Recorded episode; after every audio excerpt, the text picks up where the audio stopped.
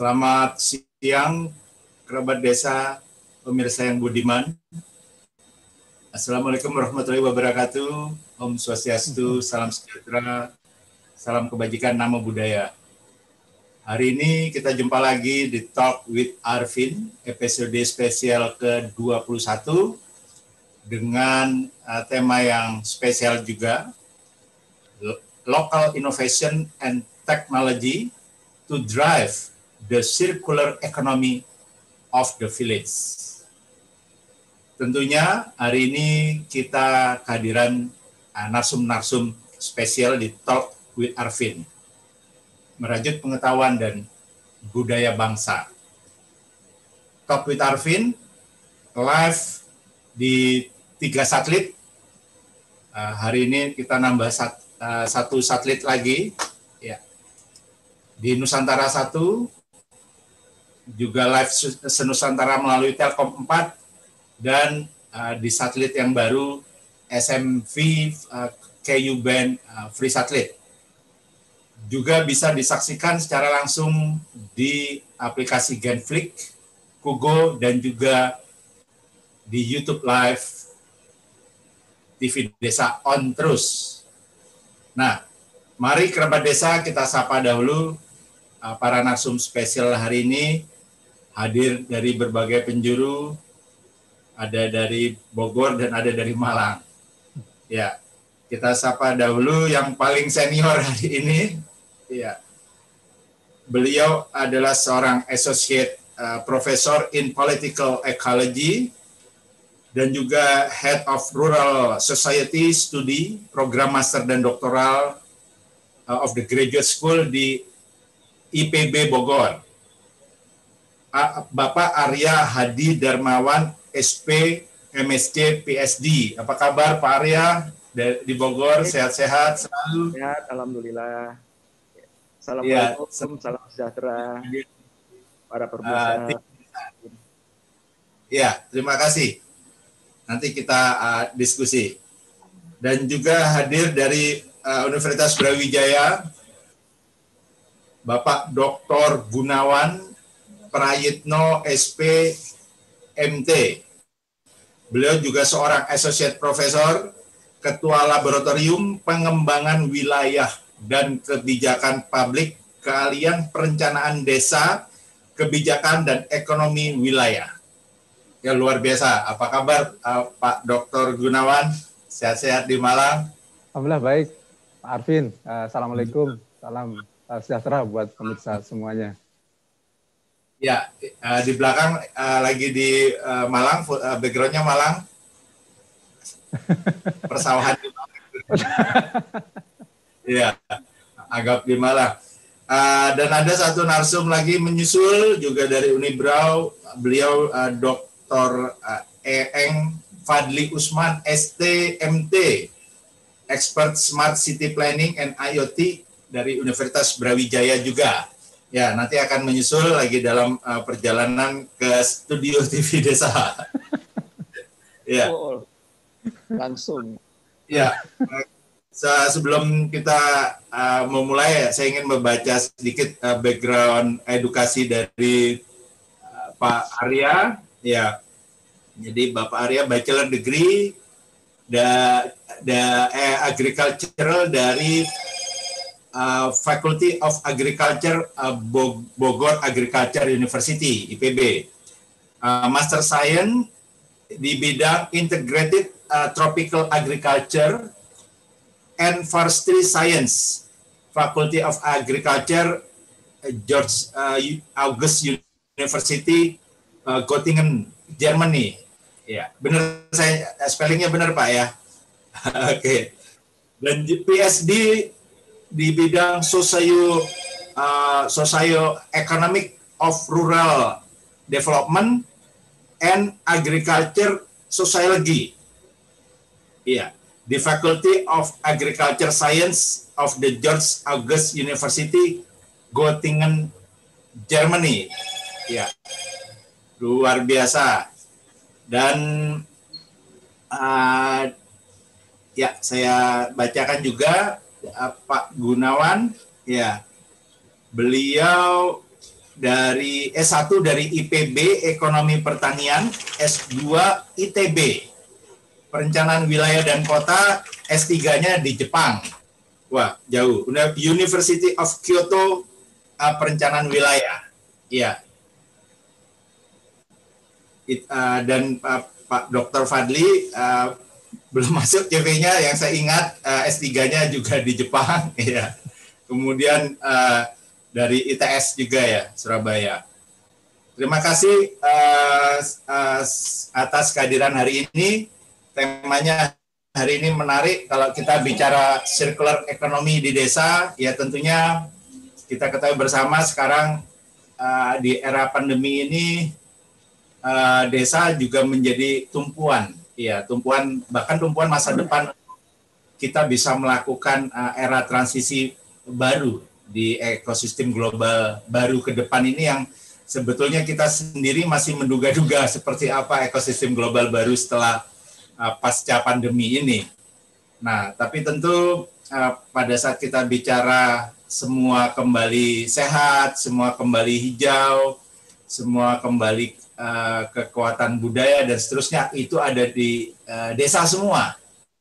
Iya, dan itu ada di desa semua. Nah, tentunya uh, kalau kita bicara sirkular ekonomi, tentu uh, sebetulnya desa itu bisa uh, bermandiri bahkan uh, melakukan uh, saling uh, support uh, dengan desa-desa uh, sekitarnya ya. Nah, saya ingin menanyakan dulu kepada Pak Arya ya tentunya kalau kita bicara membangun kekuatan desa di era baru ya yang mungkin nanti bisa digambarkan kekuatan apa saja itu.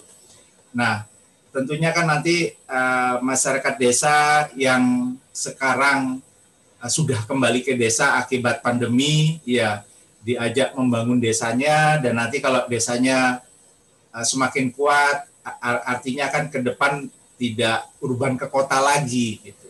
Nah, tentunya bagaimana sih membangun kekuatan mandiri desa ini Iya, kalau kita bicara uh, potensi desa Pak Arya, karena potensi desa kan sebetulnya macam-macam kita kalau bicara 80 ribu desa di Indonesia ini, sebetulnya di mana sih potensi paling besar desa untuk menjadi uh, kekuatan mandiri mereka ya? Kira-kira apa uh, gambaran dari uh, Pak Dr. Arya sendiri? Terima kasih uh, Mas Arvin. Uh, Selamat siang, selamat siang eh, para pemirsa. Eh, desa ini mempunyai kekuatan eh, prasyarat kehidupan itu ada di desa. Apa prasyarat kehidupan itu ya? Tumbuhan, kemudian yeah. anak, air, pangan, yeah. energi. Yeah. Ya, energi terutama energi terbarukan. Nah, jadi sebetulnya desa menjadi tumpuan kehidupan.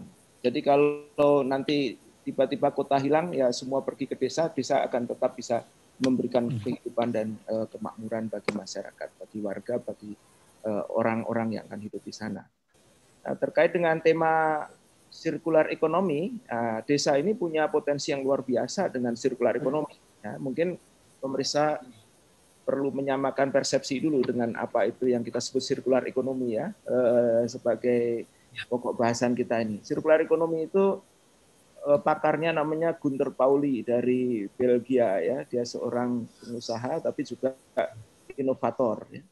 Dan sirkular ekonomi itu kira-kira okay. beginilah idenya. Eh, bagaimana kita mengubah eh, waste dari proses kehidupan ini menjadi barang yang bermanfaat. Waste menjadi fungsional. Oke. Okay. Nah, gitu. Selama ini kita yeah. manfaatkan waste sebagai sampah. Nah, di desa ini banyak sekali sampah yang bisa bermanfaat. Nah itu nanti kita perlu bahas itu mas. Ya. Kami punya banyak kasus di Jawa Tengah, Jawa Barat, di Riau, ya, di mana desa bisa mandiri, eh, mandiri terutama mandiri energi eh, dari sampah. Ya. Ini contohnya saya beritahukan misalnya di desa namanya desa kecil nih, desa Cisondari, Kecamatan Pasir Jambu, Kabupaten Bandung. Ya, itu punya sampah dari Eh, kalau Mas Arvin pergi ke Bandung itu di daerah uh, Pasir Jambu itu dingin, uh, tempat banyak peternak sapi, sapi untuk diperah susunya ya. Dan susunya itu mengalir ke Jakarta, ke Bandung, ke Bogor untuk dikonsumsi di supermarket. Tetapi kotorannya itu kotoran sapi itu dulu mengotori sungai ya masuk ke hulu ya. Citarum dan sampai kemudian ke Jakarta eh, ke daerah kawasan Jakarta Jabodetabek kan.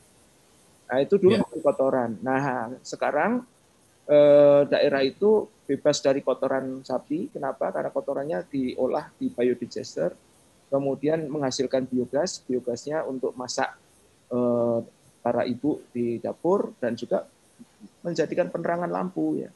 Oke. Okay. Ini kira-kira begitulah kira-kira. Jadi kalau desa itu dianggap tergantung tidak ya. Saya ingin mengatakan bahwa desa itu punya kemandirian yang luar biasa. Tergantung bagaimana inovasi itu nanti uh, kita tumbuhkan. Ini perlu para teknologis-teknologis yang um, bisa masuk ke desa. Mungkin sementara itu saja dulu. Uh, mungkin ada satu pertanyaan, kira-kira bagaimana masyarakat desa sendiri bisa membaca potensi-potensi terpendam itu untuk menjadi sebuah inovasi? Ya, kadang-kadang inovasi itu datang uh, secara indigenus dari mereka, tetapi uh, tidak bisa dipungkiri uh, bahwa persentuhan dengan teman-teman akademisi itu menjadi penting. Ya, nah, ini ada Pak Gunawan ya, yang dari Bandung. Ya Bandung itu dikenal sebagai pusat eh, think tank kreativitas karena di situ ada pusat budaya ada di sana, tapi juga pusat teknologi ya. Eh, di sana ada eh, katakanlah ada ITB yang inovasinya luar biasa. Inovasi-inovasi yang datang yeah. itu eh, harus ditransmit ke desa ya melalui siapa? Nah ini melalui siapanya ini yang banyak pertanyaan. Apakah dosennya atau penelitinya atau para inovator, para volunteer, ya, para apa eh, pemerhati desa yang membawa teknologi itu sampai ke desa gitu. Nah, jadi proses channeling ini yang perlu kita garap. Ya. Jadi supaya tidak mengendap di, di Bandung saja itu teknologi. Sama juga kami di Bogor ya, kami di IPB banyak sekali teknologi kami hasilkan, inovasi kami hasilkan. Nah, sering kali menyalurkannya ke desa ini yang uh, punya persoalan dan kadang-kadang juga prosesnya panjang dan kita juga perlu menemukan orang-orang yang bisa menchanneling itu sampai ke desa. Hmm. Oke, okay. baik. Terima kasih uh, Pak Arya. Nanti kita sambung lagi. Ya. Hadir uh, Dr. Usman lagi Dr. Fadli Usman lagi menyambung koneksi Pak Pak Dr. Fadli sudah sambung. Selamat datang. Ya, selamat datang di Top with Arvin TV Desa. Ya, kita sudah berbincang sedikit mengenai uh, sirkular ekonomi dan inovasinya. Bagaimana di Malang uh, aman-aman Pak Dr. Fadli? Uh, suaranya belum terdengar. Oke, oke. Oke. Ya, oke, terdengar. Oke. Okay. Sekarang sehat-sehat di Malang. Sehat. Work from ya. Iya, lagi kampus virtual ya? Uh, ya, sampai nanti tengah tahun 2021. Iya. Suaranya kurang besar, agak kecil suaranya. Oh, ini. Halo, halo, ada? Nah, okay. Ya, sudah, Pak. Sudah. Sip. Suaranya. Ya, hari ini kita diskusi santai tapi disaksikan uh, seluruh Indonesia. ya, bagaimana Pak Dr. Fadli? Malang? Malang ya sejauh ini masih aman. Kita menjalankan Ada. protokol walaupun jumlah positif yeah. semakin hari semakin bertambah. kita doakan semakin membaik ke depannya. Ya nanti kita sama uh, kita diskusi lagi. Pak Dokter Fadli saya mau menyambung ke Pak Gunawan dahulu. Pak Dokter Gunawan? Ya, ya tadi uh, pentingnya inovasi untuk uh, memantapkan uh, circular ekonomi. Hmm. apakah hmm. tanpa inovasi uh, circular ekonomi sendiri uh, sulit berjalannya ya artinya? Ya terima kasih uh, Pak Arvin. Uh, selamat siang pemirsa se-Indonesia kerabat desa Uh, ya, saya menyambung dari Pak Arya. Uh, jadi yes. tadi disampaikan bahwa inovasi merupakan salah satu cara sebenarnya untuk bisa yeah. mendorong uh, bagaimana desa itu bisa berkembang lebih cepat. Uh, yang dilakukan oleh Brawijaya sementara selama ini kita punya program dokter mengabdi, mengabdi Pak Arvin. Jadi kita apa? Dokter mengabdi. Dokter, mengabdi. Dokter ya. Dokter. Oke, okay, Okay. Jadi oh, lulusan ya lulusan-lulusan dari luar maupun yang luar dalam dalam negeri yang punya inovasi itu dipersilahkan didanai oleh kampus untuk menggunakan teknologi tempat guna atau teknologi atau inovasi yang baru yang bermanfaat bagi masyarakat sehingga mencari sebenarnya mencari mitra dari desa-desa okay. bisa ada jadi programnya ada yang seputaran Malang kemudian radius uh, setelah Malang Jawa Timur yeah. kemudian bahkan sampai ke nasional. Jadi ada yang sampai ke perbatasan di Nusa Tenggara gitu. Jadi yeah. kalau contoh yang kemarin kami lakukan adalah uh, pendampingan desa di sekitaran Malang. Jadi bagaimana membangun budaya budaya desa gitu ya. Supaya desa itu bisa meningkatkan uh, pendapatan karena mereka punya budaya yang baik di desa itu. Dan akhirnya bersama LPPM Universitas Brawijaya kami mencoba mendorong kira-kira apa peran budayanya dalam uh, kemajuan desa. Yang lain contohnya adalah misalnya teknologi teknologi tepat guna dalam pakan ikan misalnya. Pakan okay. ikan, kemudian ada juga teknologi tepat guna untuk pengolahan jeruk. Karena Malang ini kan kalau ini baru musim jeruk, Afin. Nah jeruk ini yeah. bagaimana caranya gitu ya? Karena kalau misalnya pas panen raya biasalah di seluruh Indonesia harga pasti turun ya karena suplai lebih banyak dibandingkan dengan permintaan. Nah ini gimana caranya diolah menjadi minuman yang misalnya bermanfaat, minuman segar atau minuman olahan, seperti yang biasa kita minum palpi misalnya yang punyanya Coca-Cola itu. Nah ini diolah hasil dokter mengabdi itu nanti di, dipasarkan juga. Jadi memang mencoba mengkaitkan bagaimana dari petani itu mengolah. Jadi produksi dari petani yang bisa biasanya akan sangat berlimpah, ini bisa diolah sehingga bisa menghasilkan produk yang lebih tahan dibandingkan produk sebelumnya. Ini salah satu inovasi sebenarnya yang kami coba lakukan di Universitas Wijaya. Kemudian, luar, luar. Jadi hmm, silakan silakan. Iya, jadi dari situ sebenarnya kita bisa tahu kira-kira uh, mitra mana yang punya persoalan, kemudian kita coba bantu, walaupun memang dan kami terbatas gitu dan dana Universitas Brawijaya itu terbatas, tapi ini paling tidak bisa memberikan uh, sedikit harapan sebenarnya untuk bisa petani-petani itu bisa punya uh, paling tidak harga bisa lebih baik dan sebagainya.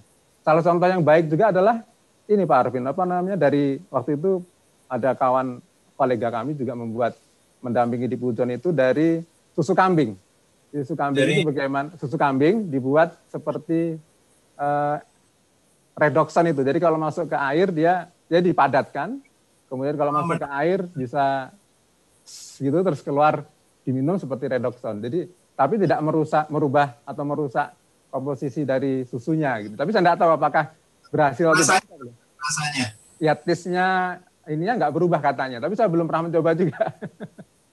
tapi baru pernah... Karena waktu saya kecil saya ingat sekali saya kalau disuruh minum susu kambing lebih memilih susu sapi. Karena lebih amis memang Pak Arvin mungkin dengan redoxon akhirnya rasanya kan uh, berbeda mungkin ya lebih uh, mungkin terasa kayak permen mungkin. Iya, itu salah satu yang bisa coba dikembangkan dengan inovasi tadi. Karena kalau kita lihat uh, pembangunan perdesaan memang uh, harus ada semangat gotong royong tadi, gitu, Pak. Jadi semangat okay, gotong royong, kemudian tadi juga ekonomi inklusif ya, sehingga uh, bisa mendorong uh, pertumbuhan ekonomi pedesaan ini. Karena tadi memang dikatakan oleh Mas Arvin juga 80 ribu lebih desa kita gitu ya. Walaupun memang kalau kita lihat tidak semuanya mungkin ya, tapi kan dari sini bisa saling berbagi, saling bergotong royong, mengembalikan jiwa gotong royong itulah sebenarnya untuk bisa mendorong uh, perkembangan paling enggak kalau satu maju bisa narik gitu yang lain gitu. Jadi tidak sendirian gitu misalnya. Iya. Ya, menarik. Jadi uh, tadi disampaikan uh, apa program dokter masuk desa ya bukan mahasiswa masuk desa, dokter-dokter masuk desa. Menarik ya, jadi bagaimana membawa teknologi tepat guna, ya jadi bagaimana dengan teknologi tepat guna ini akhirnya keunggulan kompetitif desa tadi bisa uh, lebih bangkit ya, jumlahnya, isinya dan sebagainya. Dan menarik juga akhirnya uh, keunggulan komparatifnya pun uh, dikombinasi ya, akhirnya menjadi uh, apa uh, combine menjadi uh, CDR ya. Uh, susu kambingnya kemasannya berbeda, mungkin ada storytelling desanya juga mungkin ya. Betul, iya. luar biasa. Jadi mengkombinasikan keunggulan kompetitif kompetitif uh, melalui teknologi tepat guna dan uh, knowledge uh, dari uh, tim dokter-dokter itu. Ya. Hmm. Sudah lama programnya Pak Gunawan? Ini sudah Dari dalam tahun ke lima ya Pak Fadi kalau tidak salah ya? Ya. Sudah tahun kelima Pak. Jawa Timur apa mungkin desa uh, lain provinsi? Nyebrang dikit Bali mungkin. ada Nusa Tenggara Pak sudah, Nusa Tenggara, kemudian kawasan perbatasan juga sudah pernah. Bisa ke desanya kita ya, desa di uh, Bali ya, desa bisa, Bali. Bisa. bisa dengan Pak Fadli nanti bisa didorong salah satu reviewer untuk dokter mengabdi suatnya Pak Fadli ini. Wah, nanti pasti enggak mau pulang kalau sudah di desa Bali. dari pandemi. Iya. ya nanti kita ngobrol lagi menarik. Ya, Monggo silakan. Uh, Dokter Fadli. Ya.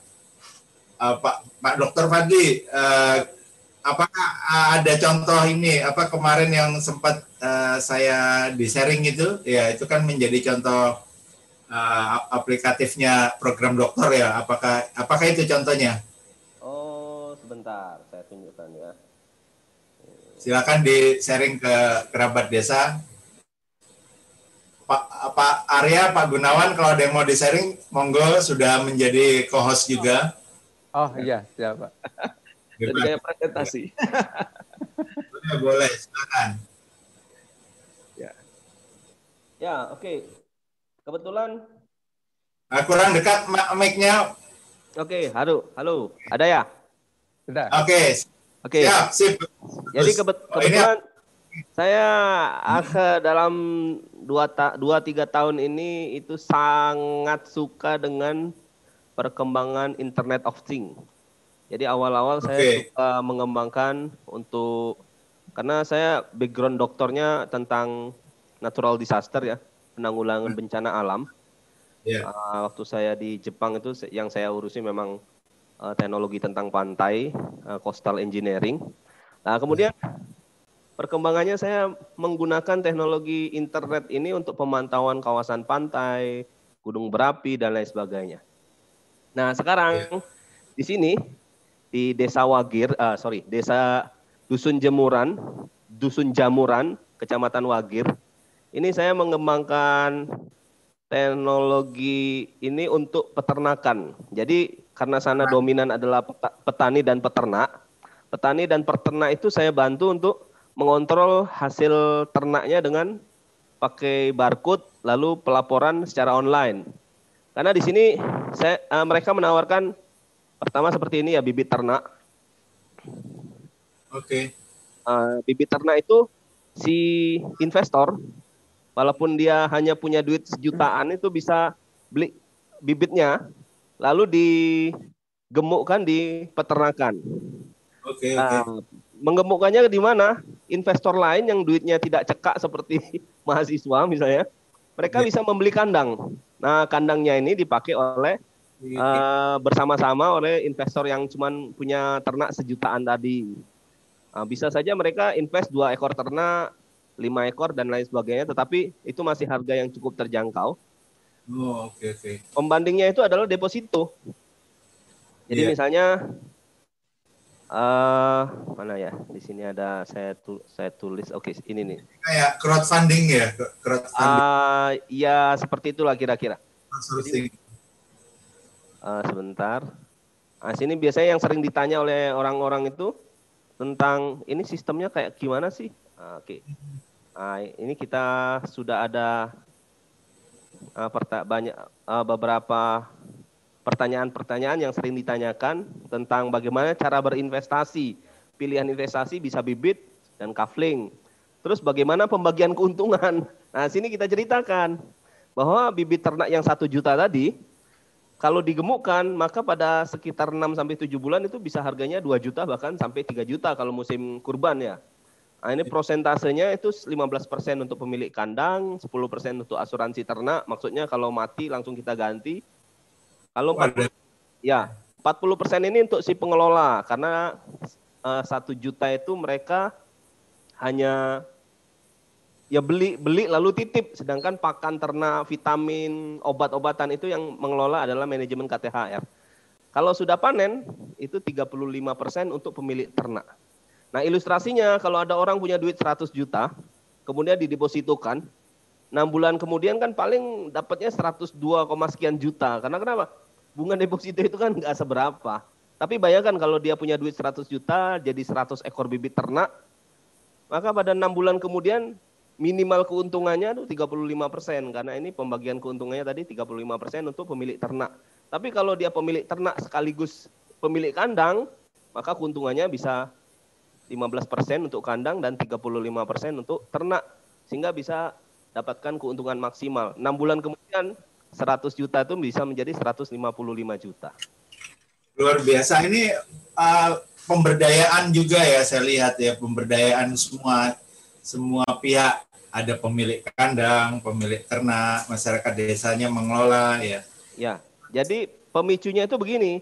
Jadi ada desa sebelah, desa Kucur namanya, mereka cerita kita punya kambing sekitar seribuan ekor, punya sapi sekitar dua ratusan ekor. Tapi kami pengen expand, pengen kali dua. Bisa bantu nggak?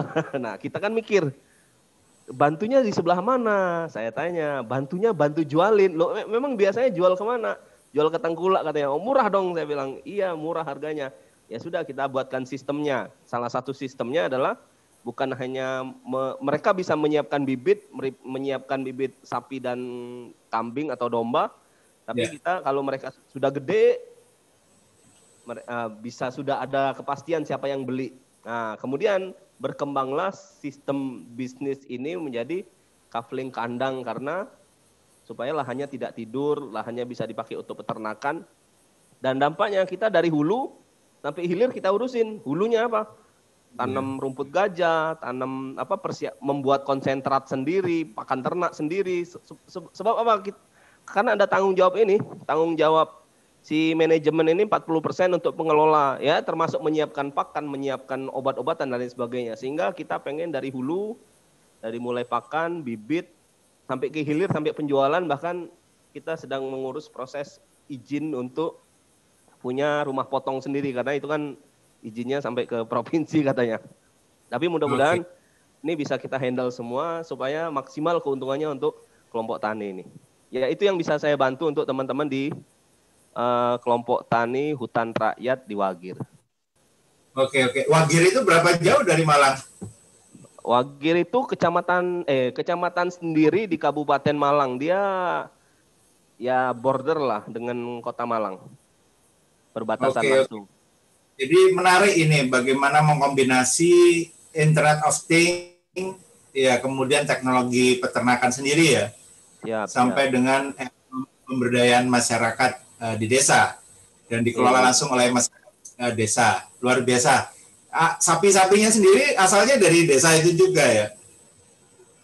Ah, uh, sapi ini agak ada yang disiapkan oleh desa, tapi kan kemampuannya terbatas, sehingga kami harus kerjasama dengan peternak gede di Jawa Barat atau di Jawa Tengah, yang mereka punya akses untuk impor, impor oh. bibit dari Australia. Kalau koperasi kan nggak mungkin, nggak boleh nggak pun nggak punya payung hukum untuk impor. Tapi ini dalam perjalanan kami sedang ngurus PT-nya supaya eh, makanya ini sudah ada tulisannya PT KTHR. Tujuannya kami pengen impor sendiri itu. Kalau jumlahnya sampai puluhan ribu, kenapa harus beli ke orang? Karena selisihnya banyak, selisihnya gede. Jadi kalau ambil dari Cianjur misalnya, per ekor daging hidup, eh daging, daging uh, ngitungnya itu per kilo 50 ribu untuk ternak yang hidup. Padahal kalau kita ngambil dari para peternak sendiri yang punya bibit sapi itu paling cuma 35 ribu sampai 40 ribu. Ternyata setelah kita telusuri kalau impor sendiri itu ya harganya kisaran itu 35 sampai 40 ribu aja. Nah, selisihnya kan lumayan 10 ribu per kilo. Jadi untuk peternak lebih bagus ya bisa ya, mesti mestinya. Jadi ada apa ya mata rantai keuntungan yang harusnya bisa diterima oleh kelompok tani. Jadi bukan untuk ke uh, apa namanya peternakan besar. Oke oke. Luar biasa. Coba kita uh, minta ini pendapat dari Pak Arya uh, Pak Dr. Arya melihat uh.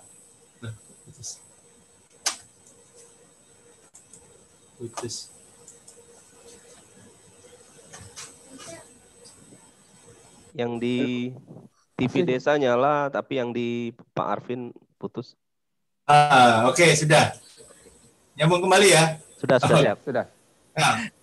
Oke, okay, mohon maaf, uh, Pak Arya, bagaimana melihat ini tadi apa uh, ah, PT apa tadi KTHR ya? KTHR. KTHR dengan konsep uh, pemberdayaannya ada, ya kemudian aplikasi teknologinya, bahkan uh, Internet of Thing-nya untuk e apa e-commerce-nya ya. Melihat ini bagaimana Pak Arya kira-kira? Ya, saya kira ini menarik ya, ini inovasi yang menarik dari Mas Fadli dan kawan-kawan tadi. Bagaimana mengalihkan investasi dari eh, apa namanya, ibaratnya uang ditaruh di bank, kemudian bank yang disuruh meng, meng, meng, meng, memutar gitu ya. Eh, ini diputar sendiri oleh eh, masyarakat desa sehingga kemudian Eh, returnnya masuk ke desa gitu ya. Walaupun memang eh, tadi ada banyak risiko ya. Eh, risikonya kalau misalnya di masa COVID ini katanya penjualan hewan kurban agak turun katanya ya.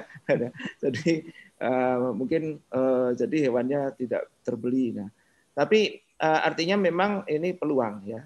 Uh, saya sendiri saya punya punya contoh yang menarik untuk masalah uh, sapi dan sapi ini ya. Uh, Mungkin saya boleh share screen nih kalau silakan, silakan. Ya. Nah, jadi eh, ini ekonomi ekonomi sirkuler yang yang yang contohnya ini ada di desa tadi yang saya sebutkan ya di desa ini sebetulnya sudah dilakukan hmm. oleh uh, oleh apa namanya oleh pemerintah uh, yang kita sebut sebagai konsep sirkuler ekonomi atau blue economy ya untuk yeah. pembangunan hijau di pedesaan. Ini di Kecamatan Pasir Jambu, Desa Cisondari. Uh, saya tidak perlu gambarkan uh, uh, siklusnya, tapi intinya adalah bagaimana sapi. Nah, ini sapi lagi nih uh, contohnya ya Mas Fadli dan uh, Mas Gunawan, uh, Mas Arvin. Jadi kotoran sapi ini dulu uh, dibiarkan dan masuk ke sungai, lalu sungainya kotor, kemudian orang-orang dihilir sungai sakit perut karena kotoran sapinya uh, me me mencemari uh, lingkungan ya. Nah, di desa ya. ini ada diorganisir ya. Tentu ini kemudian perlu perlu seorang volunteer, kemudian inisiator gitu ya. Kotoran sapi ini kemudian dimasukkan ke dalam kayak sumur kecil ini. Ini sumurnya nggak dalam, cuman satu setengah meter gitu ya. Kotorannya diaduk pakai air ya, memang bau ini ya, tapi nggak apa-apa gitu ya kan. Kemudian nanti dimasukkan ke dalam kayak sumur ini biodigester ini. Dan ini pakai teknologi sederhana ini kayak tong plastik gitu ya ditaruh ditanam di dalam uh, uh, tanah seperti septic tank kita ya WC kita ini. Kemudian okay. uh, eh, di, di, dengan dengan pipa sederhana disalurkan gitu ya. Kemudian nanti hmm. kotoran itu akan keluar sendiri menjadi kompos. Nah di Bandung di kawasan Bandung itu Pasir Jambu kemudian uh, di daerah dingin itu itu banyak sekali eh, apa petani hortikultura ya sayur mayur dan sebagainya dan ini membutuhkan pupuk dan okay. selama ini eh, mereka memupuk pakai pupuk kimiawi. Nah persoalannya kan kalau pupuk kimiawi itu dia contribute to global warming kan gitu ya kepada gas rumah kaca dan sebagainya. Jadi ini adalah sebuah sistem pertanian atau peternakan yang eh, mereduce risiko-risiko terhadap satu terhadap polusi air kedua eh, terhadap eh, gas rumah kaca. Nah, bagaimana kemudian uh, gas tadi uh, bisa muncul ya? Dengan proses yang kimiawi tanpa banyak rekayasa, gas itu uh, menggumpal di situ, lalu disalurkan jadilah kayak Petromax ini. Dan itu menjadi uh, energi alternatif. Uh, masyarakat desa tidak perlu melanggan PLN, bukan berarti kita benci PLN, tetapi paling tidak ketergantungan terhadap PLN menjadi lebih uh, apa lebih rendah ya Kemudian eh, ibu-ibu bisa bisa juga gas ini disalurkan ke ke kompor lalu kemudian menggoreng ayam, menggoreng ikan dan sebagainya. Dari perhitungan dari perhitungan eh, ketergantungan desa ini terhadap gas melon yang itu ya, gas melon subsidi itu itu berkurang eh, berkurang hebat ya, sampai pengurangannya sampai 2 3 gas melon per bulan.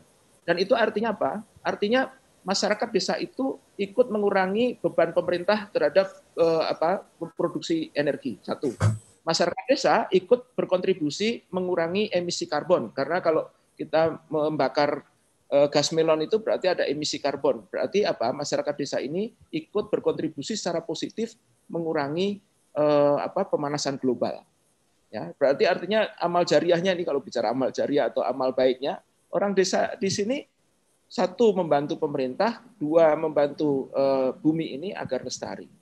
Kemudian itu belum cukup, dia membantu juga petani sebelahnya yang yang bertanam apa namanya bertanam uh, kopi dengan uh, pupuk pupuk organik itu kopinya tumbuh seperti ini ya bagus sekali. Ya jadi uh, ekonomi kopi tumbuh ya. Energi menjadi tidak tergantung pada PLN dan Pertamina gitu ya atau PN eh, gas gitu ya. Kemudian apalagi air sungai itu sekarang menjadi jernih. Kenapa? Karena kotoran tidak lagi masuk ke sungai Ya, sehingga uh, orang menjadi sehat di daerah hilir menjadi sehat tidak sakit perut lagi. Nah, ini adalah sebuah konsep uh, inovasi pedesaan yang mudah. Ini ini sudah ada ini uh, saya kira bisa dibaca ini programnya adalah program pengembangan desa mandiri energi berbasis biogas. Dan ini tidak hanya di desa ini ya, di, saya temukan juga di Boyolali ada, di Bogor sekitar Bogor juga ada. E, artinya apa? Kita ini kan tadi e, butuh sekali e, apa e, susu ya. Nah, berarti apa? Ke depan kita tetap membutuhkan banyak ternak-ternak e, sapi penghasil susu untuk gizi, penambahan gizi anak anak anak-anak kita. Okay. Tapi eh, kotorannya itu ternyata kotoran sapinya itu selama ini yang mengotori lingkungan itu bisa kita manfaatkan menjadi penggerak ekonomi yang luar biasa. Penggerak energi, penggerak lingkungan dan kemudian juga menggerakkan sektor pertanian lain, termasuk kopi, kemudian hortikultura, sayur mayur dan seterusnya. Ini yang kita perlu sebar luaskan eh, inovasi-inovasi seperti ini. Ya, artinya desa itu bisa mengcreate eh, ekonomi dengan sendirinya, dengan keberdayaan mereka. Yang diperlukan tadi adalah inisiator yang menggerakkan, mendampingi dan kemudian mengarahkan, mengarahkan ke mana eh, apa namanya? Karena kadang-kadang eh, orang desa ini eh, tidak bisa dibiarkan sendiri. Teman-teman kita di desa ini perlu teman ya. Jadi eh, kita ini harus menjadi temannya orang desa atau masyarakat desa untuk kemudian desa itu menjadi berdaya. Mungkin kata kuncinya itu, eh, Mas Arvin. Iya. Terima kasih. Saya Pak, jadi luar biasa pemandangannya semakin luas.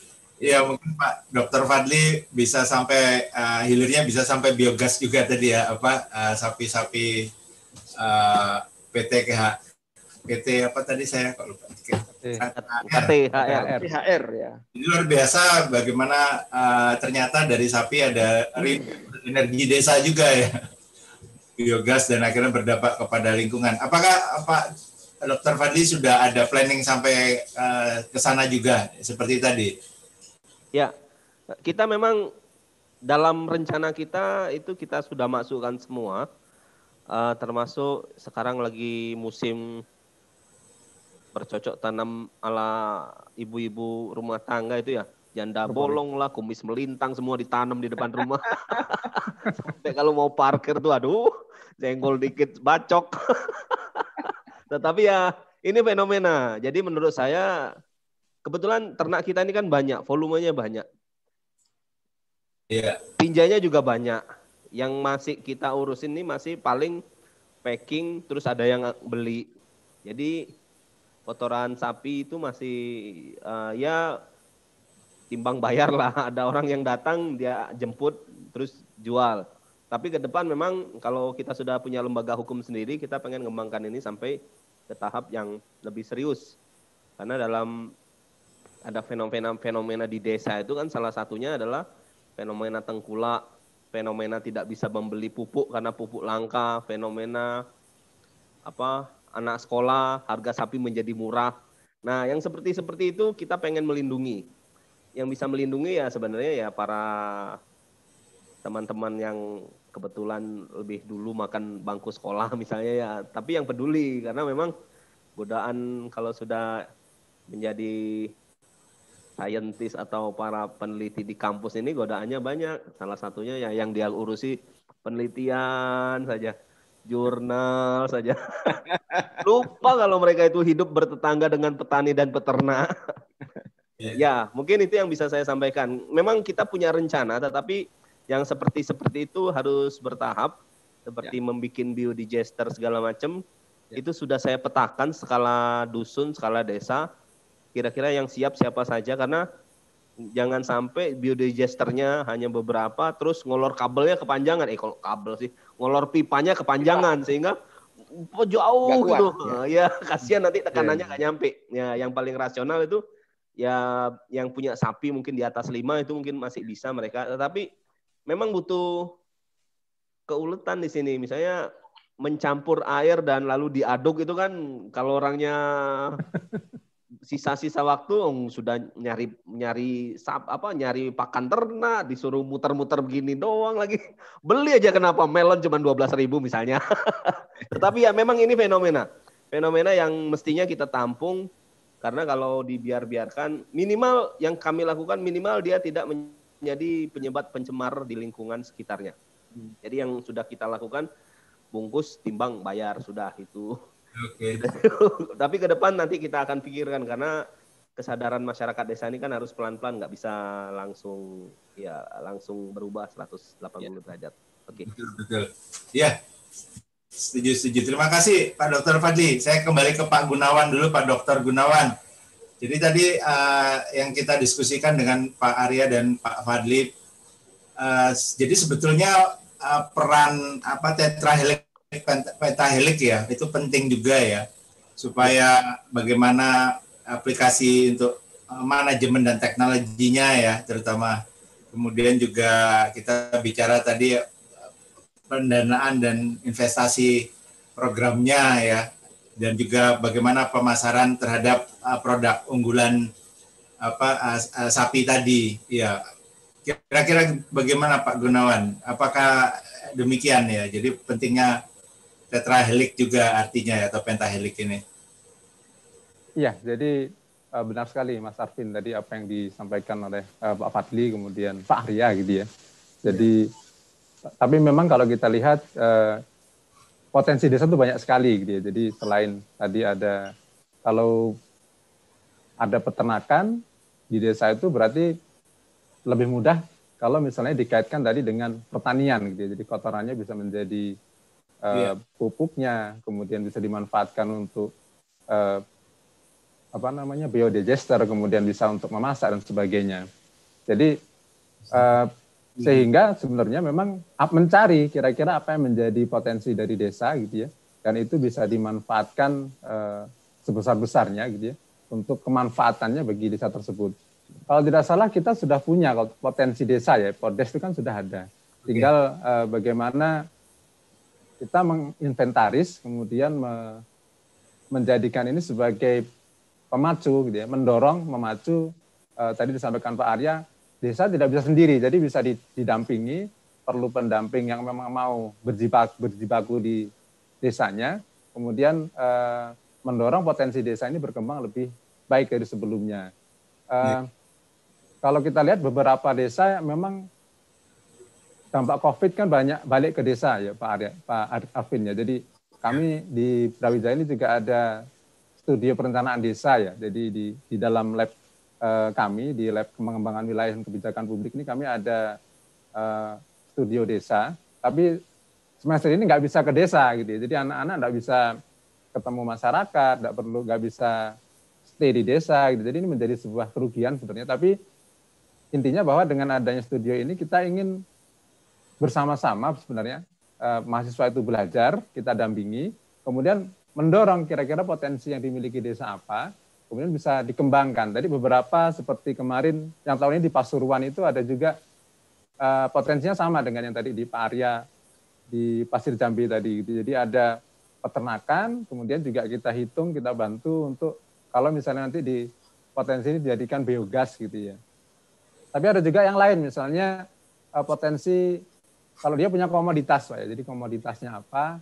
Nah itu yang kita dorong juga untuk dikembangkan. Nah yang yang sudah sangat terkenal kan biasanya mungkin yang yang tahu ini Pak Arvin saya coba share yeah. Bujon Kidul ya. Bujon Kidul ini kan sangat terkenal ya. Eh, salah satunya pernah memenangkan apa? Eh, sebenarnya wisata Instagram ya, foto dan sebagainya. Tapi dari sini tahun 2019 pendapatan desa itu sampai 17,5 miliar.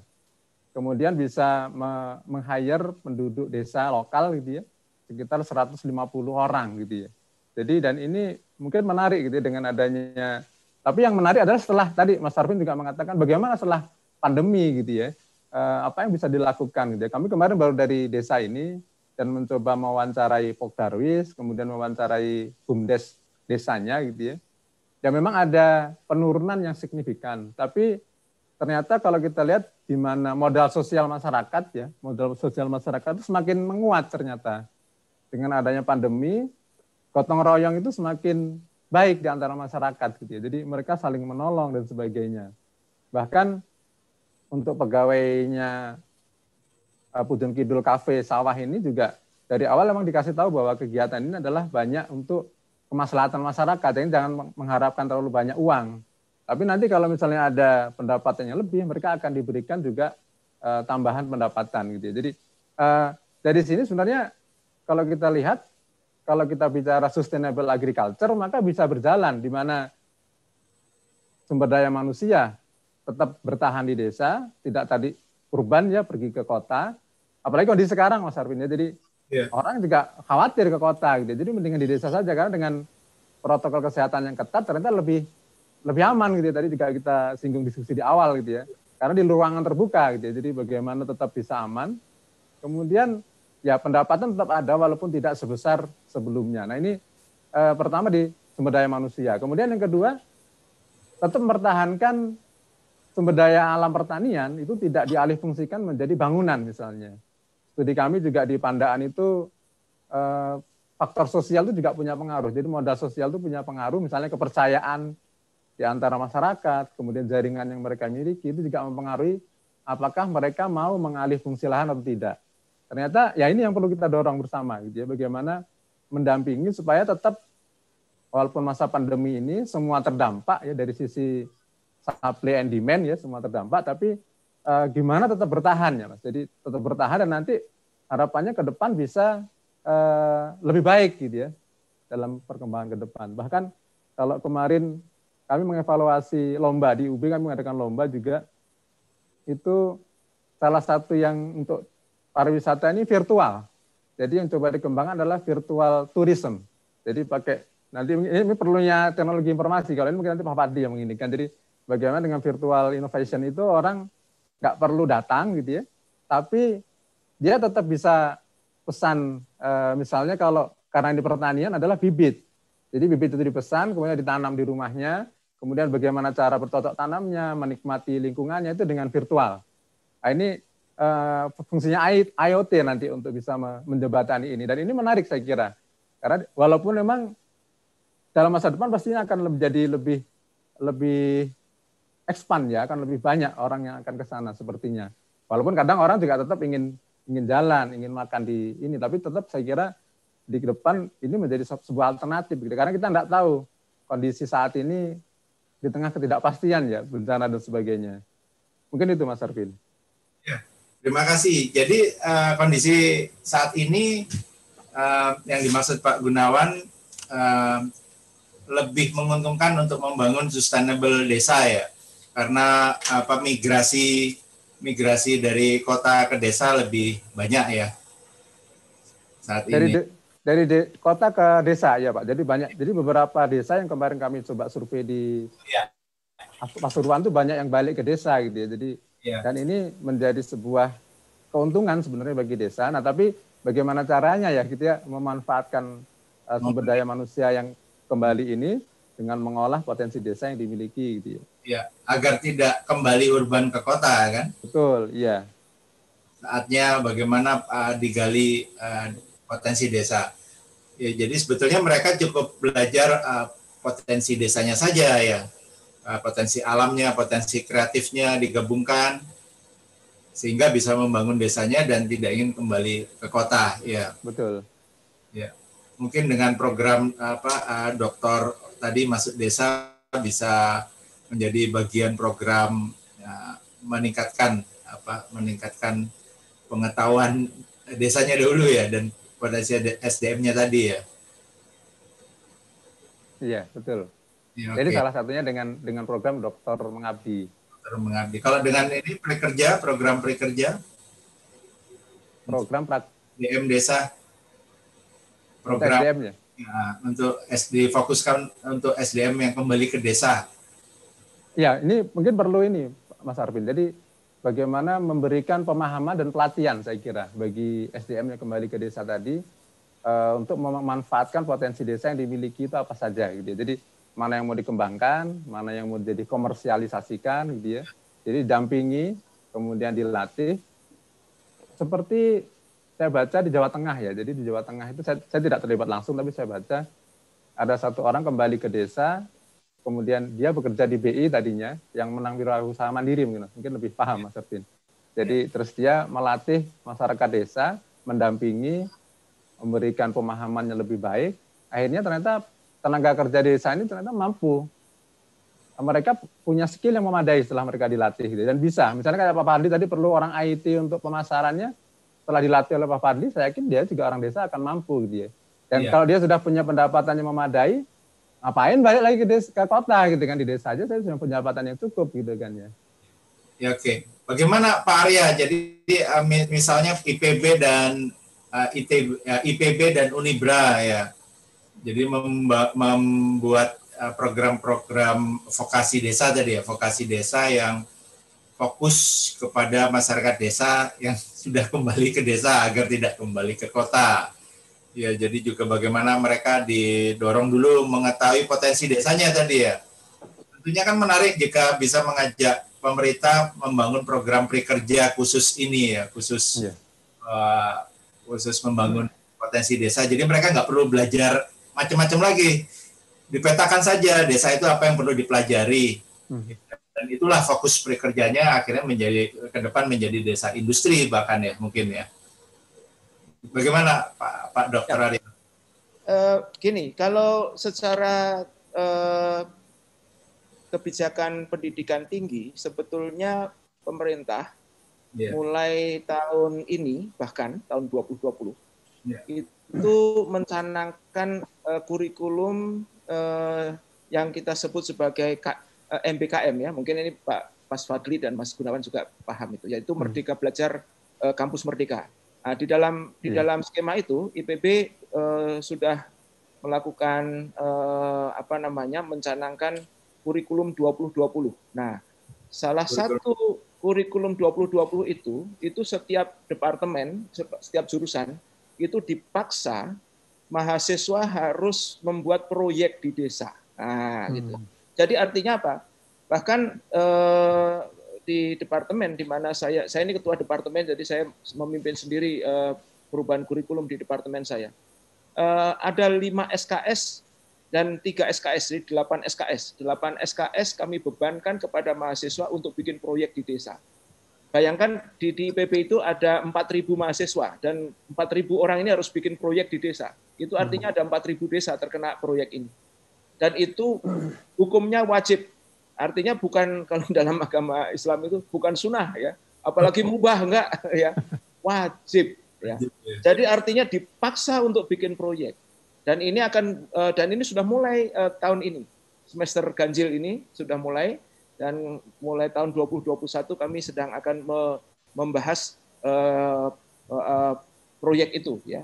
Dan di setiap departemen harus punya desa mitra dengan kabupaten-kabupaten dan kami punya kerjasama dengan uh, kalau kasarnya seluruh provinsi di Indonesia ya bahkan kami sampai ke ke ada mahasiswa yang kami tempatkan di Pulau Natuna ya ada yang kami tempatkan di apa namanya di Maluku Utara gitu ya jadi kita seluruh Indonesia lah. Ya. Nah artinya proyek ini adalah eh, kalau tadi di Unibrau ada dokter masuk ke desa, kami mahasiswa masuk ke desa dan itu berbeban SKS. Artinya apa? Kalau mahasiswa nggak ambil itu dia nggak lulus dari IPB gitu. Jadi ini dipaksa gitu. Ya. Nah, jadi itu namanya capstone ya, capstone namanya. Capstone itu 8 SKS. Ya. Nah, gitu. Nah, jadi kami kami sudah menyusun bagaimana modelnya, bagaimana pembimbingannya dan nanti mahasiswa ini ada dosen pembimbing yang ada di yang yang membimbing kemudian di lokasi nanti ada ada ada ada apa penyelia atau supervisornya dan seterusnya. Nah, jadi kemudian nanti kerjasama dan ini di luar KKN ya, di luar KKNT ya, artinya KKN tetap ada, ya, artinya eh, program eh, apa namanya eh, kuliah kerja nyata itu ada, itu 4 SKS. Jadi bayangkan ini komitmen IPB untuk untuk apa tadi menemani menemani masyarakat desa itu sampai ke sana, ya ini di luar lagi ada namanya enrichment course, itu 3 SKS, itu harus bikin proyek juga. Jadi bayangkan kalau ditambah di digunggung kumpul gitu ya, ditambah-tambah. Tadi sudah 8 SKS, ada 3, 11, ada KKNT 15. Tambah lagi yang lain proyek-proyek eh, semacam itu 20 SKS. Setara 21 SKS itu sama, dengan kalau di total satu semester, Mas. Artinya, oh, ya. Nah, jadi eh, dan itu sudah kami susun. Nah, boleh pergi ke IPB ditanya ke Pak Rektor apa yang sudah karena Pak Rektor selalu kemudian nekennya ke, ke, ke ketua departemen ya seperti saya ini kan ketua departemen. Jadi saya yang yang ketempuhan ini. Pokoknya kalau Pak Menteri bilang A, uh, rektornya bilang A, uh, kadepnya harus bilang A gitu ya. Nah, mahasiswanya menjalankan. Artinya apa? Saya ingin mengatakan komitmen kita terhadap desa uh, uh, tidak luntur dan ke depan makin kuat. Dan insya Allah kalau nanti uh, COVID-19 ini sudah ada vaksinnya, uh, saya kami kita optimis tentu kita harus optimis ya. Kalau nggak optimis hmm. ya kita pasti akan kiamat aja gitu kan. Kita optimis insya Allah uh, semester ganjil tahun depan yaitu mulai Agustus tahun 2021 mahasiswa kita sudah bisa kita sebar ke, ke seluruh Indonesia untuk. Menarik menarik. Wah luar biasa programnya. Ya. nah, bagaimana dengan uh, uh, tadi bicara project-project yang dibangun oleh uh, mahasiswa mahasiswa IPB uh, sustainability projects-nya apakah itu terus menerus setelah mereka kembali dari desa diteruskan oleh apa adik kelasnya ya apakah seperti itu Nah, ini bicara dis, eh, sebetulnya ini bicara project itu selalu kita ter, terkait dengan uh, sindroma namanya discontinuity ya. Jadi artinya begitu orangnya cabut dari desa itu lalu uh, energinya hilang gitu kemudian uh, proyeknya uh, selesai. Nah, Salah satu caranya adalah kita kemudian menetapkan desa mitra. Artinya apa? E, kalau desa itu menjadi mitra, artinya kita akan secara reguler kita hadir, kita datangi.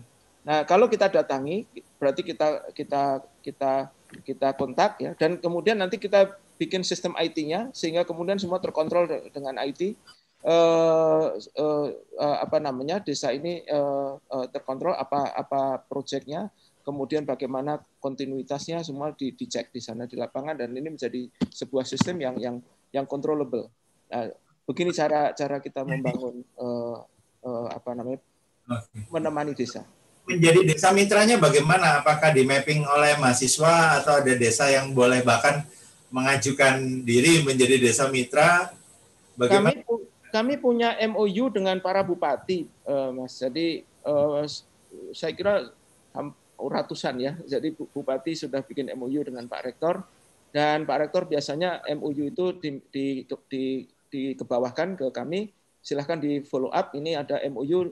Kemudian kita petakan kalau itu desa desa apa namanya eh, desa ekowisata kita kembangkan eh, basisnya ekowisata. Kalau ini desa pesisir mungkin basisnya adalah eh, perikanan dan dan tambak dan sebagainya. Kalau ini desa perkebunan mungkin perkebunan dan seterusnya. Jadi kita tidak one fit for all ya. Jadi satu program kemudian untuk seluruh Indonesia sama tidak. Tapi kita kembangkan sesuai dengan apa yang ada di dalam resources di desa itu ya. Jadi uh, seperti itu ya. Uh, Bisa juga dengan langsung dengan pihak desanya tapi ya atau dengan pendamping. Pada, pada akhirnya kita langsung dengan pihak desanya ya. Pada akhirnya kita langsung dengan pihak desanya ya. Kami punya kita juga punya mitra dengan desa-desa adat ya di, di daerah di dekat Bogor ini ada banyak desa adat selain desa Badui kemudian ada desa Kampung Bali ya ya di Cipta Gelar itu ya dan seterusnya itu kan eh, kita sering eh, ke sana ke eh, apa mengunjungi kemudian bikin program sama-sama dengan masyarakat desa di desa-desa adat itu. Ya luar biasa luar biasa Pak Arya. Ya. ya. Terima kasih terima kasih. Nanti kita diskusi kembali.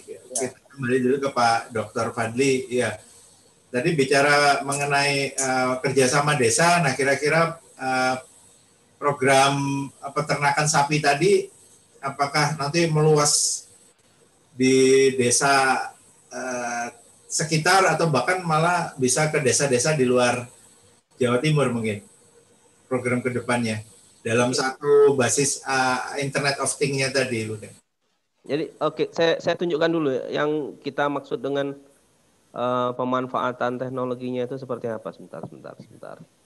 Oke, oke.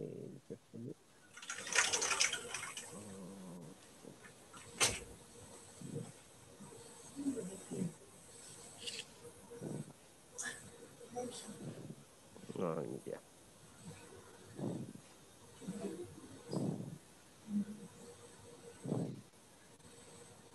Mana sih? Sebentar, sebentar.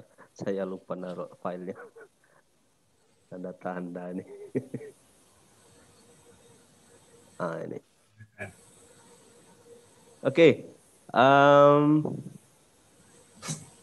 jadi uh, dalam hal ini memang kita pengen memantau si ternak supaya ternak itu pertumbuhannya ter uh, terpantau dan kita bisa mengamati walaupun dia tidak berada di sekitar ternak. Oke. Jadi kita memakai uh, oke okay, sudah ada ya? Uh, lagi proses, lagi masuk. Oke. Okay. Oke. Okay. Nah di di sini kita pakai aplikasi. Jadi aplikasinya ini bukan hanya untuk jual ternak, tapi jual produk-produk yang dimiliki oleh uh, kelompok tani tadi. Jadi kelompok tani ini kan formatnya masih koperasi. Jadi ternyata mereka bukan hanya kumpulan peternak dan juga petani, tapi juga uh, eh, UMKM binaan KTHR itu sendiri. Ada yang jual sepatu, ada yang jual apa kacang goreng pakai pasir dan lain sebagainya. Nah, kita pengen mengakomodir yang seperti itu. Kemudian ini salah satu teknologi yang kita sampaikan. Ada barcode-nya, Barcode-nya ini ini nempel di setiap sapi dan kambing, lalu bisa di-scan dan scan-nya langsung nyamber ke uh, apa itu namanya untuk pelaporan bobot ternak. Oke, okay. uh, ya, jadi bagi si peternak dia bisa laporan sekarang berat ternak berapa, uh, makannya apa dan lain sebagainya. Atau juga dia pakai QR code tapi QR code ini kita pakai untuk keperluan-keperluan si pemilik ternak yang investor perorangan tadi. Nah, misalnya laporannya seperti ini.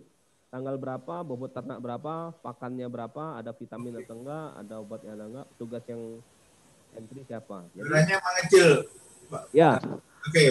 ya, bisa. Uh, jadi si pelaporan tadi itu bahkan si pemilik itu siapa, lokasi ternaknya di mana, kafling nomor berapa, jenisnya apa itu ada kelihatan semua. Oke, nah, luar biasa. Ini pemicunya gara-gara kalau saya biasa beli ternak online itu ya, saya beli yang paling besar, tapi kalau pelaporan kambingnya mesti yang kecil. Wah, ini pelanggaran sosial menurut saya. Ini ya saya beli yang besar, kenapa yang dilaporkan selalu yang kecil-kecil ini? Ya, tapi ya mungkin bukan kesalahan di yang menyembelih tetapi pengaturan database yang kurang baik. Ya. Oke. Okay. Ya, jadi dia ada kartu yang nempel di kambing atau sapi dan kartu yang menjadi souvenir bagi si investor. Jadi kartu ini rencananya mau kita bagikan ke investor walaupun dia cuma beli satu ekor kambing, kita kasih dan dia bisa juga mengamati. Dia bisa scan dan dia dia bisa melihat uh, pertumbuhan si sapi atau si kambing yang dia dititipkan di KTHR. Bahkan dia kita punya beri hak akses untuk melihat kondisi kambingnya. Kita tempel CCTV di sana. Uh, ya. CCTV-nya ya? Ya, CCTV-nya nempel. Jadi secara 24 jam dia bisa ngelihat, oh kambingku udah gede. Seperti kata Pak Gunawan, tapi di peternakan. ya, ya yang masih kita coba itu yang pakai apa teknologi begini NFC atau FID tapi ini sebenarnya untuk otomatis penimbangan si ternak sih. Cuman oh. karena kita sudah memiliki pelaporan yang manual ini sebenarnya ini tidak tidak pengen kita pakai lagi kecuali ternaknya sangat banyak misalnya seperti yang di Cianjur itu 10.000 ekor itu kan banyak sekali dan nggak mungkin ditimbang satu-satu kalau kecuali pakai teknologi ya itu itu yang bisa kami sematkan pada peternakan dan harapan kami memang ini tidak hanya di berhenti di wagir karena dengan teknologi seperti ini sangat membantu apa peternak-peternak lain khususnya kami di sini juga melakukan riset tentang pakan ternak yang terbaik supaya bobotnya cepat meningkat, terus ya cepat panen. Kalau bobotnya cepat meningkat, cepat panen, petani cepat dapat duit, nggak dikadalin sama tengkulak lagi. Oke oke, wah luar biasa, Pak Fadli, Dokter Fadli. Ada yang disampaikan lagi? Uh, ya intinya kita pengen teknologi itu bukan hanya untuk ya mereka yang suka teknologi atau uh, para saintis di kampus, tetapi memang teknologi walaupun sederhana bisa dimanfaatkan oleh para petani, peternak dan lain sebagainya. Ada juga yang kita manfaatkan untuk pelaporan apa padi. Jadi biasanya padi ini mereka bisa tanam tapi nggak bisa jual juga. Nah, itu sedang kami siapkan teknologinya supaya mereka bisa pelaporan. Lalu kita gunakan teknologi satelit untuk pendataan. Lalu pelaporannya juga secara online dan masuk ke database kemarin sudah ditanya sama ya, kemarin sudah sempat ada yang nanya tuh siapa tuh aduh bapak ketua HKTI itu yang sekarang Pak Muldoko ah sempat nanya itu sistemnya kayak apa sih oh enggak pak belum kita belum kita launching ini nanti pelan mudah-mudahan bisa kita launching bareng-bareng untuk seluruh Indonesia supaya uh, kelangkaan pupuk uh, terus tengkulak yang merajalela ini kita bisa potong pelan-pelan supaya tidak terjadi seperti itu di lapangan khususnya untuk masyarakat desa yang selalu jadi korban. Ya, mudah-mudahan teknologi bisa membantu masyarakat secara maksimal. Amin. Iya, amin. Luar biasa. Pak Gunawan, Pak Dokter Gunawan, bagaimana uh, melihat ini rekan-rekan dari uh, Unibra yang mungkin jangan-jangan lupa menjadi dosen nanti lama-lama. Yeah. Iya nih Pak Arvin. Jadi Pak Fadli ini memang uh, scale up masyarakat desa, ya entrepreneurship-nya, kemandiriannya, ya dan juga kesejahteraan masyarakat desa. Bagaimana ini melihat uh, melihatnya Pak Gunawan uh, rekannya? Iya Pak Jarvin. Jadi uh, apa yang dilakukan oleh Pak Fardin ini menarik. Jadi beliau dulunya disaster gitu ya memang, tapi sudah karena kemarin jadi timnya dokter mengabdi pusat gitu ya. Iya. Jadi uh, harus juga mendrive bagaimana mendorong paling tidak uh, ada peran dari uh, perguruan tinggi gitu ya dalam uh, kegiatan sehari-harinya. Tadi juga Bapak disampaikan bukan hanya nulis saja, nulis jurnal, hanya ngurus ini saja, tapi juga harus ada apa yang di, bisa disampaikan ke masyarakat gitu ya. Dan uh, Pak Wali banyak gitu ya yang sudah diinikan gitu ya ada beberapa selain ini gitu ya juga dan memang eh, ya kami di UB seperti juga tadi IPB dengan tadi disampaikan Pak Arya kampus Merdeka ya Merdeka belajar eh, memang menjadi tantangan kita tapi terus memang adanya pandemi ini mungkin agak direm dulu kami yeah. juga tahun depan ada kegiatan juga Pak Arvin jadi biasanya kita ada namanya studio perencanaan wilayah jadi dalam dalam konteks wilayah kalau ini desa-desa itu bagaimana dalam satu wilayah biasanya unit analisanya kabupaten. Jadi situ juga mendorong mahasiswa gitu ya. Tadi kalau IPB juga mendampingi juga sama. Kita merencanakan, eh, memetakan, kemudian mencari potensi desa itu apa, kemudian dikembangkan sampai juga nanti mencari pasar. Jadi pasarnya ke mana gitu ya. Jadi mulai dari hulu, gitu ya. Dari hulu itu kalau misalnya pertanian itu apa, yeah. bibitnya dari mana, tenaga kerjanya kurang atau tidak, tenaga kerjanya dari dalam keluarga, dari dalam desa atau dari luar desa dan sebagainya kita identifikasi, kemudian di on farmnya persoalannya apa, kemudian sampai marketnya gitu ya, marketnya apa. Nah inilah di sini memang peran Pak Fardi cukup banyak gitu, jadi untuk membantu kaitannya dengan IoT tadi, eh, bagaimana kalau tadi kan sudah mulai dari awal ya Pak Fardi sudah mulai dari hulu sampai ke hilir juga gitu. Kalau kita di STB itu juga mendorong mahasiswa paling tidak kabupaten itu punya potensi apa sih gitu. Ya. Kemudian apa yang bisa kita kembangkan. Yeah. Jadi nanti bisa kita follow up misalnya dengan menggandeng investor tadi juga kalau tadi disampaikan. Jadi bagaimana tidak hanya menjadi produk buku saja gitu ya, tapi harapannya bisa berkembang, bisa menjadi produk yang bisa memang dimanfaatkan bagi uh, kabupaten, bagi masyarakat secara luas gitu, Pak Arvin. Okay. Jadi uh, menarik menarik Pak Gunawan.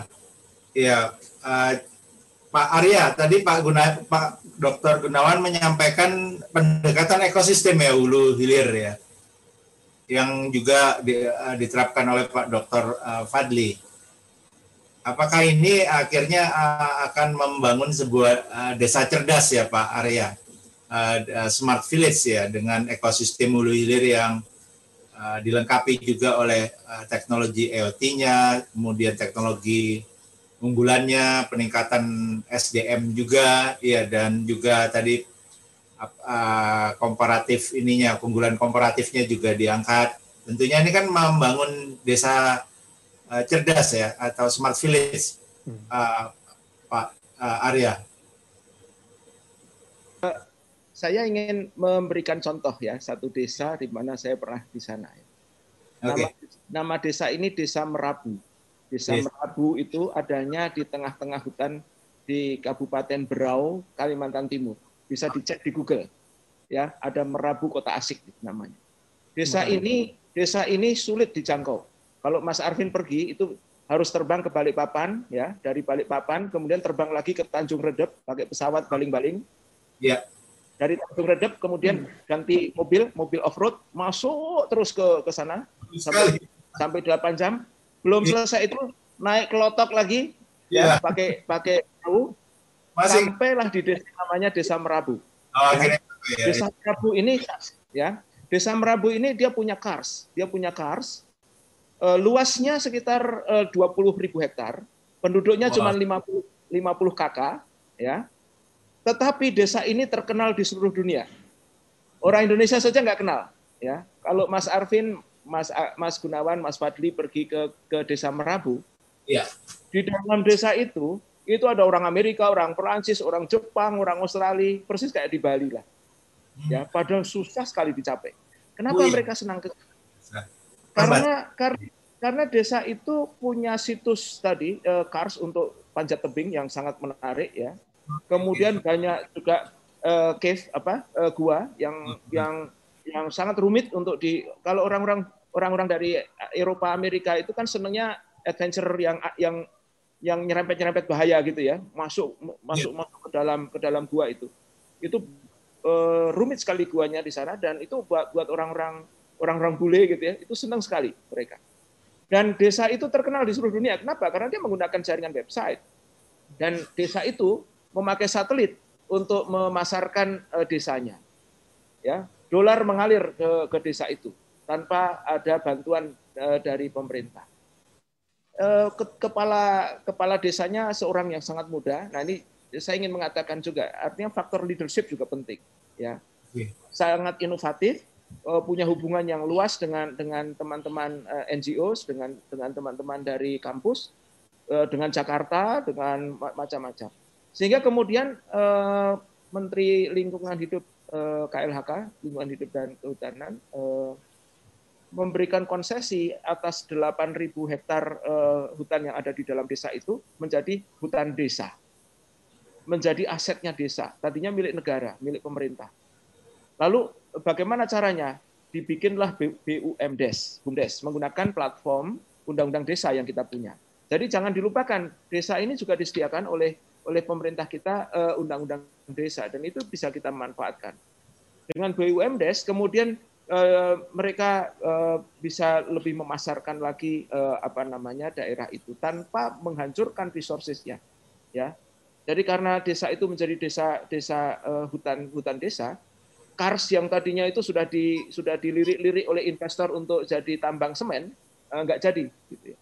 Nah, ya. jadi ini ini adalah upaya bagaimana menyelamatkan ekosistem uh, desa dengan cara yang smart ya menggunakan teknologi informasi Nah, di situ juga ada telaga yang airnya jernih sekali, kemudian itu bisa dijual untuk uh, air mineral. Disambungkan ke pipa gitu ya, sampai mungkin ke, ke, ke ibu kota kabupaten, lalu ke provinsi. Artinya apa? Uh, yang kita jual hanyalah uh, environmental services-nya. Jadi jasa lingkungannya. Bukan material resources-nya. Dolar mengalir, masyarakatnya sejahtera gitu ya. Mas, sejahtera itu bukan harus punya mobil, punya rumah gedong bertingkat tiga, nggak kayak begitu ya. Sejahtera itu uh, bahagia, kemudian anak orang-orang di sana cukup makan, cukup uh, gizi dan sebagainya itu sudah sudah pendidikan mereka ada yang pergi ke ke Unair ya sekolah ke Surabaya. Uh, jadi itu sudah sebuah kesejahteraan ya dan eh, apa namanya eh, itu contoh ya salah satu contoh desa Merabu kota asik namanya dan itu dapat ya Merabu kota asik itu dapat penghargaan oleh pemerintah. Eh, waktu itu diberikan penghargaan. Artinya inovasi ini datang dari dalam oleh leadership dan kemudian berkenaan berkenalan dengan eh, eh, apa teman-teman yang punya kecerdasan. Lalu jadilah apa kawasan itu terkenal. Jadi saya ingin katakan bahwa tidak selalu pendekatannya pertanian ya, tidak selalu pendekatannya pertanian. Bisa saja pendekatannya environmental services, jasa lingkungan, di mana kemudian kawasan itu punya kekhasan ya. Eh, Jatiluwe misalnya Mas Mas Arvin tahu ya eh, di, di Tabanan itu kan dolar mengalir ke situ bukan karena sawahnya dijual dijadikan hotel, tapi pemandangan tentang sawah itu yang ada subaknya itu menjadikan banyak turis datang ke sana. Turis lalu tidur di hotel, hotel kemudian dia jalan-jalan makan, makan kemudian ada spending untuk untuk untuk makanan. Restorannya didirikan oleh masyarakat setempat. Jadi cara cara mendekati mendekati pemberdayaan ekonomi desa memang tidak harus selalu seperti tadi yang saya katakan uh, uh, tentu kalau ada ternak ya ternak ya, kalau ada sawah sawah, kalau ada apa kebun kelapa sawit kelapa sawit ya. Tapi tidak harus seperti itu. Sangat tergantung bagaimana kekhasan daerah itu dan inovasi inovativeness dari uh, desa itu untuk berkembang. Saya kira itu poin saya mas. Terima kasih. Iya menarik jadi desa Merabu itu di perbatasan ya desa Merabu tadi ya. bagaimana memanfaatkan uh, alam ya alam asrinya ya tentu apalagi kalau desa desanya itu sudah ada nilai-nilai historis ya sejarah ya. lalu ya. saya tidak tahu ada arkeologi ya pasti punya kekuatan uh, apa budaya lokalnya ya untuk diangkat ya desa Prabu itu.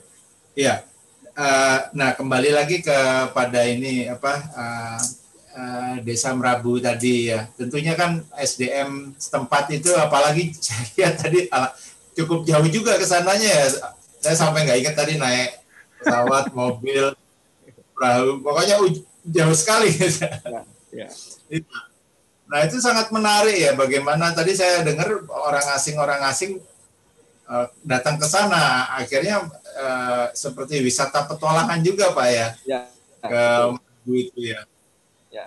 Nah dan bagi, bagaimana tadi saya cukup menarik uh, fungsi lahan yang uh, mau diakuisisi oleh industri besar akhirnya kembali kepada masyarakat. Itu sangat menarik ya? Karena saya lihat selama ini kan banyak sekali konsesi besar di apa istilahnya di desa uh, tetapi uh, tidak uh, belum dikelola sepenuhnya bersama ya sama masyarakat desa dan dan mungkin hampir 100 hampir 90 persen 80 persen ya betul-betul uh, untuk industri besarnya dan masyarakat uh, desanya sendiri tidak uh, menikmati lahannya ya secara optimal. Ini cukup menarik tadi bahwa Desa Merabu uh, berhasil menyelamatkan lahan, tapi tetap pundi-pundi dolarnya hadir ya. Nah, uh, uh, pihak uh, SDM desanya sendiri itu bagaimana sebelumnya Pak Arya? Apakah ada pelatihan-pelatihan untuk mereka? Ya. Membangun? Ya, kalau SDM-nya SDM orang desa kebanyakan. Tadi yang jauh yang jauh padahal dari kota Balikpapan tadi. Ya, ya kalau SDM-nya sendiri uh, saya kira seperti desa kebanyakan, di mana SDM-nya eh, tingkat pendidikannya rendah dalam arti tidak tidak sampai perguruan tinggi begitu ya. Tetapi yes. dengan sekarang kekuatan mereka punya uang, mereka bisa mengirimkan anaknya untuk sekolah ke Jawa ya. Jadi eh, ini yang menjadi eh, tetapi kemudian ada risiko juga. Nah, ini risiko lagi ini. Jadi selalu selalu eh, memandang desa jangan statis ya. eh, begitu banyak SDM pergi ke Jawa, lalu anak-anaknya menjadi dokter di Jawa, lalu di sana ke, kehilangan SDM juga gitu ya. Lalu siapa yang nanti yang mengisi? Nanti orang luar lagi gitu ya, investor. Nah, atau nanti Mas Arvin bikin hotel di situ gitu kan. Jadi memang tidak mudah ya. Jadi eh, mengelola desa ini tidak mudah ya. Sama juga kayak tadi Mas Fadli ya. Jangan-jangan nanti yang datang investor eh, kelas kakap beli sapi satu juta ekor ditaruh di tempatnya Mas Fadli ya sudah habislah orang desa gitu ya gitu. ya karena eh, tergiur dengan apa namanya revenue yang begitu tinggi dari Mas Fadli tadi ya jadi yeah. eh, tidak mudah memang tidak mudah eh, diperlukan sebuah eh, apanya eh, art of leadership gitu ya eh, dari pemerintah daerah, dari teman-teman yang ada di kampus untuk uh, kayak tarik ulur layangan gitu loh ya, uh, gitu kira-kira. Ya, saya kira itu. Iya, iya. Ya menarik, menarik. Terima kasih Pak Arya. Nanti kita kembali lagi. Nah, kembali ke Pak Fadli ya, Pak Fadli, Pak Dokter Fadli. Nah, kira-kira ke depan tadi ditanya kalau tiba-tiba ada investor satu juta, satu juta sapi. Nah, bagaimana supaya konsep pemberdayaannya tetap uh, terjaga, masyarakat masih uh, menjadi bagian porsi yang besar ya di dalam industri uh, sapi ini kira-kira ke depannya ya kalau kita bicara ke depannya. Yang seperti itu sudah kita pikirkan, Pak. Ya. Pasti yang tak dengan uh, pengembalian secara finansial yang seperti itu. Makanya kita pengen mengkonvert kooperasi ini menjadi PT.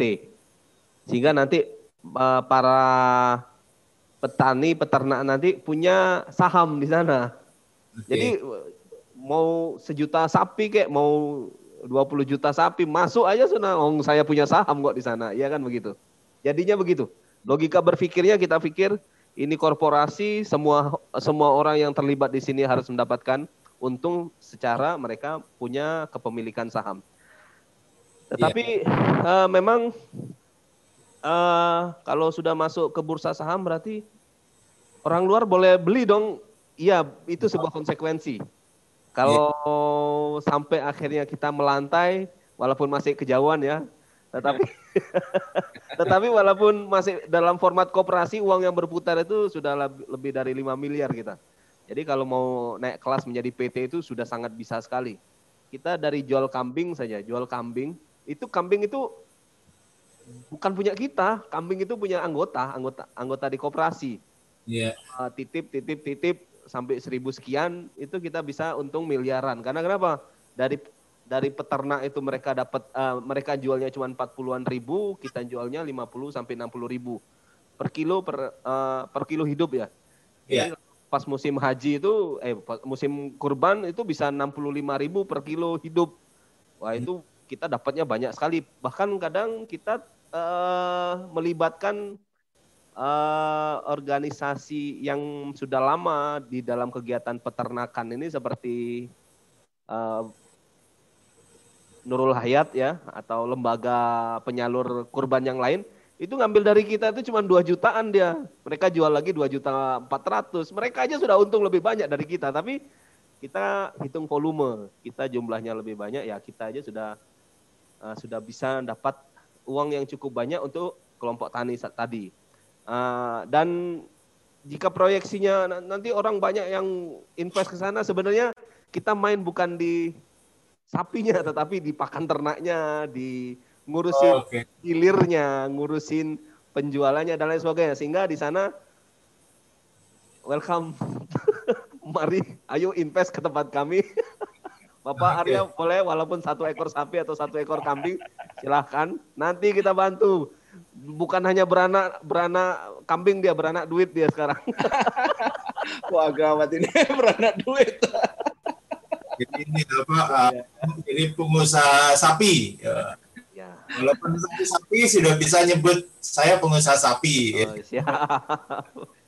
Menarik, menarik. Nah Pak Gunawan, ini kan dengan adanya tadi kita, tema hari ini kan inovasi lokal dan teknologi ya yang mendrive circular economy. Tadi kita bahas uh, macam-macam. Banyak sekali akhirnya teknologi uh, tepat guna masuk ke desa inovasi-inovasi dari pendamping desa maupun dari lokal desanya sendiri uh, tumbuh di desa. Akhirnya ke depan ini apakah memungkinkan di masa depan ini struktur mata pencarian uh, di desa itu uh, shifting atau berubah. Kalau di kota kan tadi jasa apa industri dagang seperti biasa lah. Ya mungkin di desa yang uh, per, per, apa peternakan, perikanan ya termasuk peternakan apa Dokter Fadli ini mungkin nanti shifting juga menjadi Uh, tadi saya kebayang gambar apa sepatu apakah itu sepatunya dari kulit kambing apa kulit sapi akhirnya karena teknologi dan inovasi ini apakah nanti struktur mata pencarian desa ini akan berubah ya masa depannya apalagi semua kembali ke desa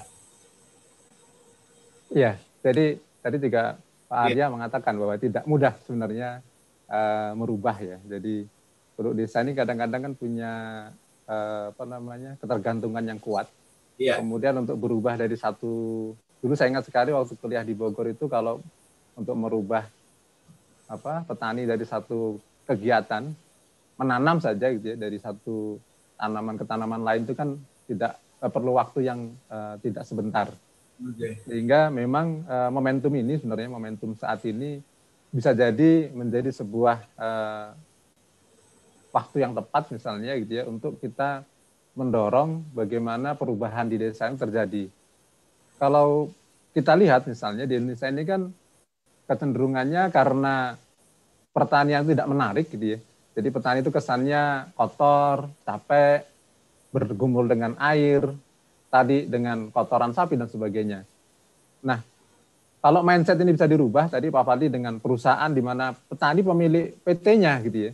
Jadi ya. owners gitu ya, owners dari sebuah perusahaan misalnya. Kemudian tadi Pak Arya juga memberikan beberapa contoh. Dari situ sebenarnya bisa kita duga bahwa ke depan memang akan terjadi pergeseran sebenarnya. Dan bagaimana mendorong generasi muda, gitu ya. generasi muda ini pertanian itu nggak kotor loh sebenarnya gitu ya. Pertanian ini punya potensi gitu ya. Jadi seperti di Jogja itu banyak juga tadi yang tadi Pak Pak Fadli juga sampaikan ya peternakan. Jadi ada ibu-ibu keluar dari UGM kalau tidak salah kemudian mendirikan peternakan dengan sistem yang baik seperti Pak Fadli, Pak Fadli tadi gitu ya juga akhirnya banyak anak muda dari UGM mereka ingin belajar di situ, mengelola, diberi kepercayaan untuk mengelola satu kandang misalnya. Karena nanti ini Pak Wadi bisa diluaskan. Jadi kalau tadi Pak Arya satu juta ekor ada yang mau apa namanya invest, Pak Wadi bisa minta mahasiswa diberi kepercayaan dalam jangka, tapi harus harus kontinu ya. Misalnya jangan setahun, harus misalnya minimal misalnya dua tahun gitu. Ya. Jadi mereka sudah tahu dalam dalam dua tahun itu akan tahu bagaimana kira-kira di mana titik kritisnya pada saat kapan gitu ya? Pada saat kapan harus memberi obat? Kapan harus menjual? Karena kalau sudah dua tahun kan kalau kambing sudah beranak dan yeah. itu bisa dijual gitu ya. Dan itu mereka akan tahu jualnya ke mana dan sebagainya.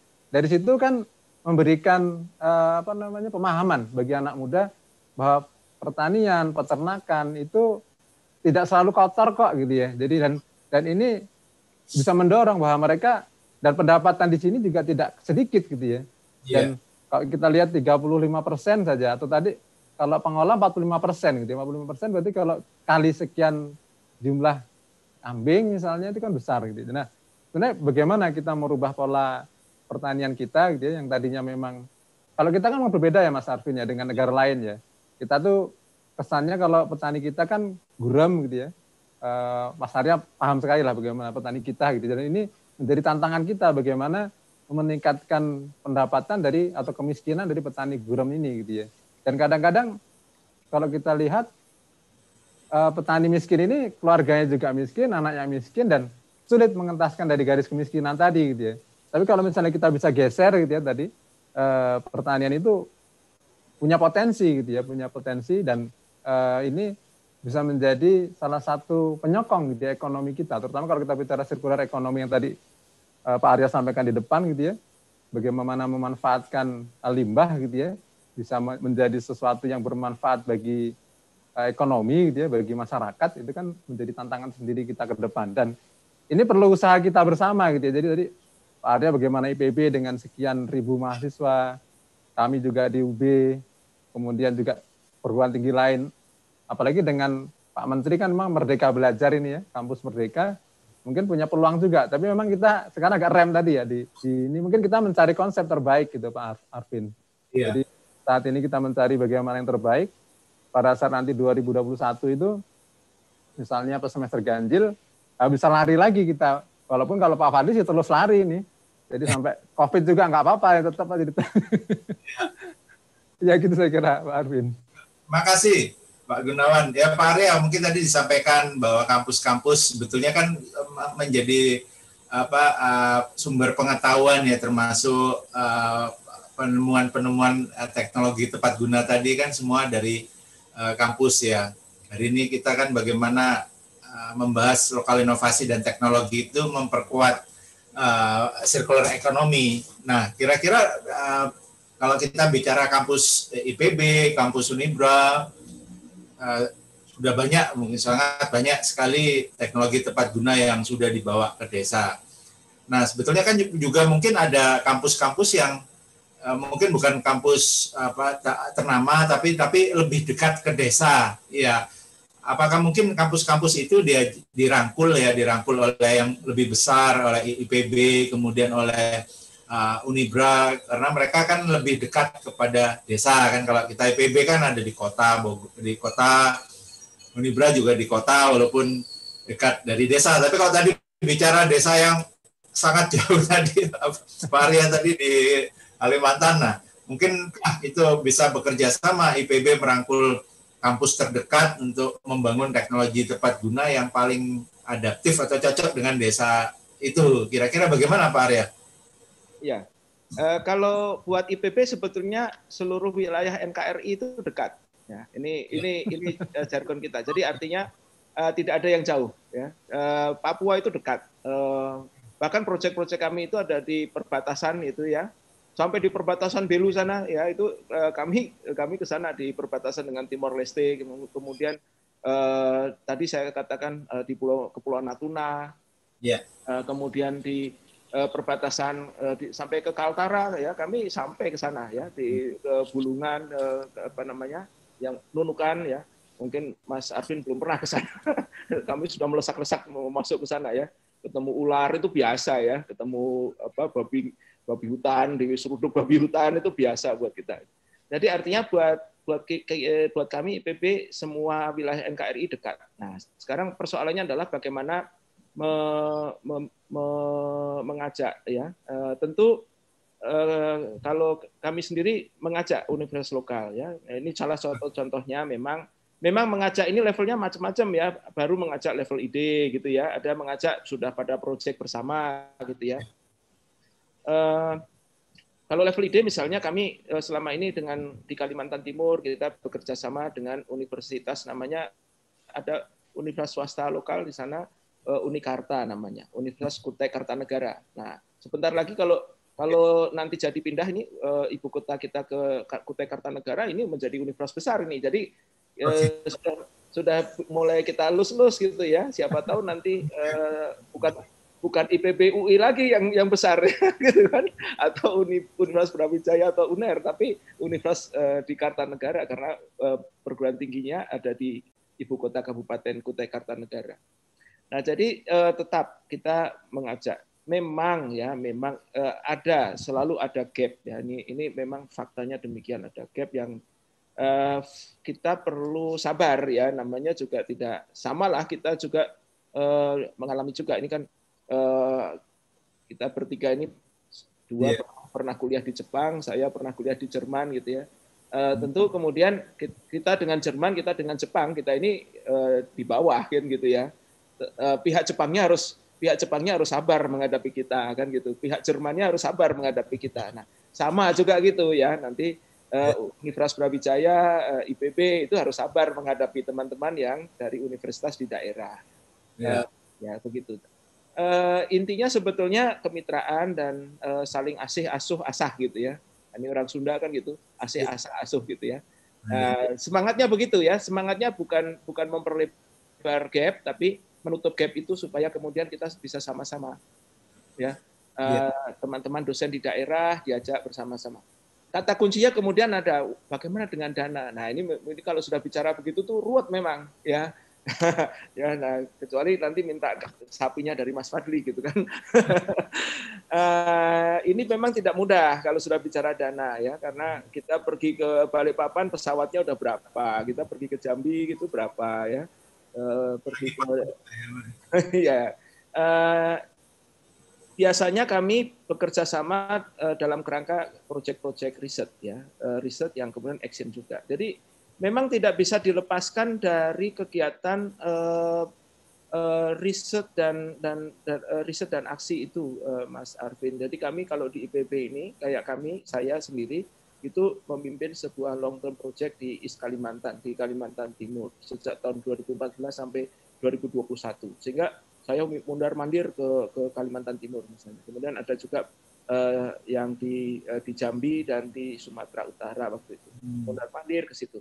Nah, biayanya bukan dari APBN. Kalau APBN nggak akan mampu ya. Eh, eh, tentu kemudian tadi sebagai dosen yang ada di IPB kita sudah harus paham ini sekian kita alokasikan untuk eh, komitmen memberdayakan juga ahli-ahli dari daerah gitu. Ini kesadaran ya. Tentu universitas-universitas besar yang ada di Jawa ini katakanlah Universitas Brawijaya, UNER, IPB, UI, ITB, UGM, Undip ya dan dan yang besar-besar itulah eh, kita sebut itu eh, harus punya kesadaran bahwa eh, dananya sebagian kalau ada riset dari grant dari internasional gitu ya dari Amerika, dari Eropa, dari Jepang gitu eh, sisihkan juga untuk pemberdayaan teman-teman eh, di daerah. Sifatnya untuk mengajak kerja bersama lah begitu. Itu yang yang kita kita karena ya itu yang kita lakukan mas. Menarik, menarik untuk uh, proses ini apa transfer teknologi kepada uh, yang dikunjungi daerah itu apa cukup dengan satu kali dua kali hadir atau harus terus menerus sustain? Enggak cukup satu kali dua kali, enggak cukup ya, ya harus sustain ya, harus harus terus menerus. Ya. Jadi harus mungkin ada uh, tim silih berganti ya. Betul, betul. Itu sebabnya tadi saya katakan biayanya menjadi besar itu di transportasi itu kan. Iya, karena saking luasnya ya. Iya, iya. Mungkin bisa dibantu oleh Zoom ya sekarang. ya, tapi kan Zoom itu begitu ya. Ada ada hal yang tidak bisa diisi oleh nah. uh, tatap muka secara personal ya. Betul betul ya. kalau teknologi pertanian ya, barangnya ya. dikirim ke sana nggak bisa. Ya. Iya, masang mesin gimana caranya kalau pakai Zoom? Dikirim dulu. nah, kira-kira sama kayak ya oke okay. gimana pak silakan silakan Enggak, artinya eh, ada keterampilan-keterampilan yang tidak bisa kita zoomkan ya. Misalnya di IPB ini kan ada eh, Fakultas Kedokteran Hewan ya, yang setiap saat ada praktek membedah kucing, membedah anjing, membedah kambing gitu ya. Nah kalau pakai zoom itu gimana? Membedah kambing pakai zoom itu, waduh kan bisa mati nanti kambingnya resikonya ya. Tetap eh, zoom itu tidak tidak tidak sepenuhnya bisa memenuhi apa yang kita inginkan. Ya. Hari ini Pak, jadi tidak perlu ke studio lagi, langsung ya. di eh, ya. di daerah masing-masing ya, dari Bali, dari Bogor, ya. dari Malang, ya. ya. Jadi, tapi disiarkan tetap dari studio ya TV Desa.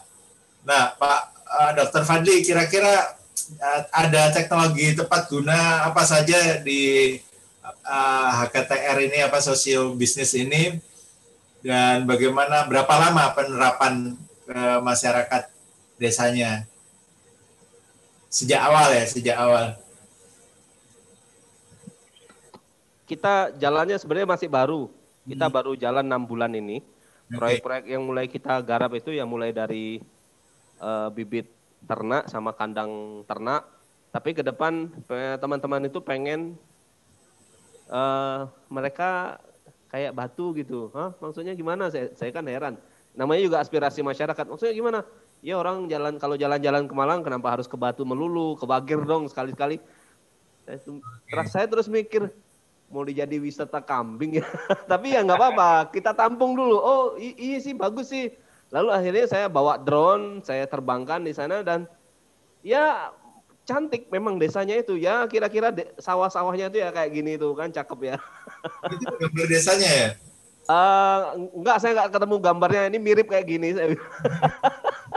ya Jadi dia sawahnya itu terasering dan lain sebagainya sehingga saya tuh mulai A sampai Z mau saya pikirkan. Seperti misalnya kita buat industri yogurt yuk, uh, gimana? Kita kan pedaging kita nggak punya susunya, ya sudah kita pikirkan. Minimal studio filmnya dulu saya bilang. Jadi ada mereka pakai Google apa itu pakai kacamata uh, yang bisa ngelihat di depan, mereka bisa seakan-akan sedang berada di pabrik yogurt seperti itu. Jadi beberapa teman kita yang mit, uh, kebetulan kita bermitra teknologi itu ada yang pengusaha yogurt, pengusaha keju dan lain sebagainya.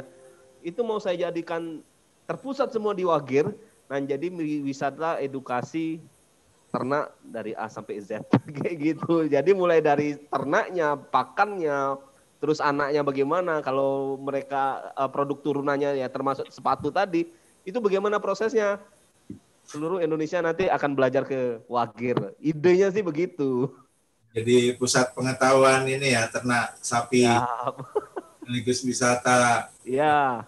Menarik, menarik. Ya karena masyarakat Wagir kan iri sama batu. Semua orang pasti bikin macet batu. Kita dong dibikin macet. Saya bilang jalanmu kecil Bambang ya Allah.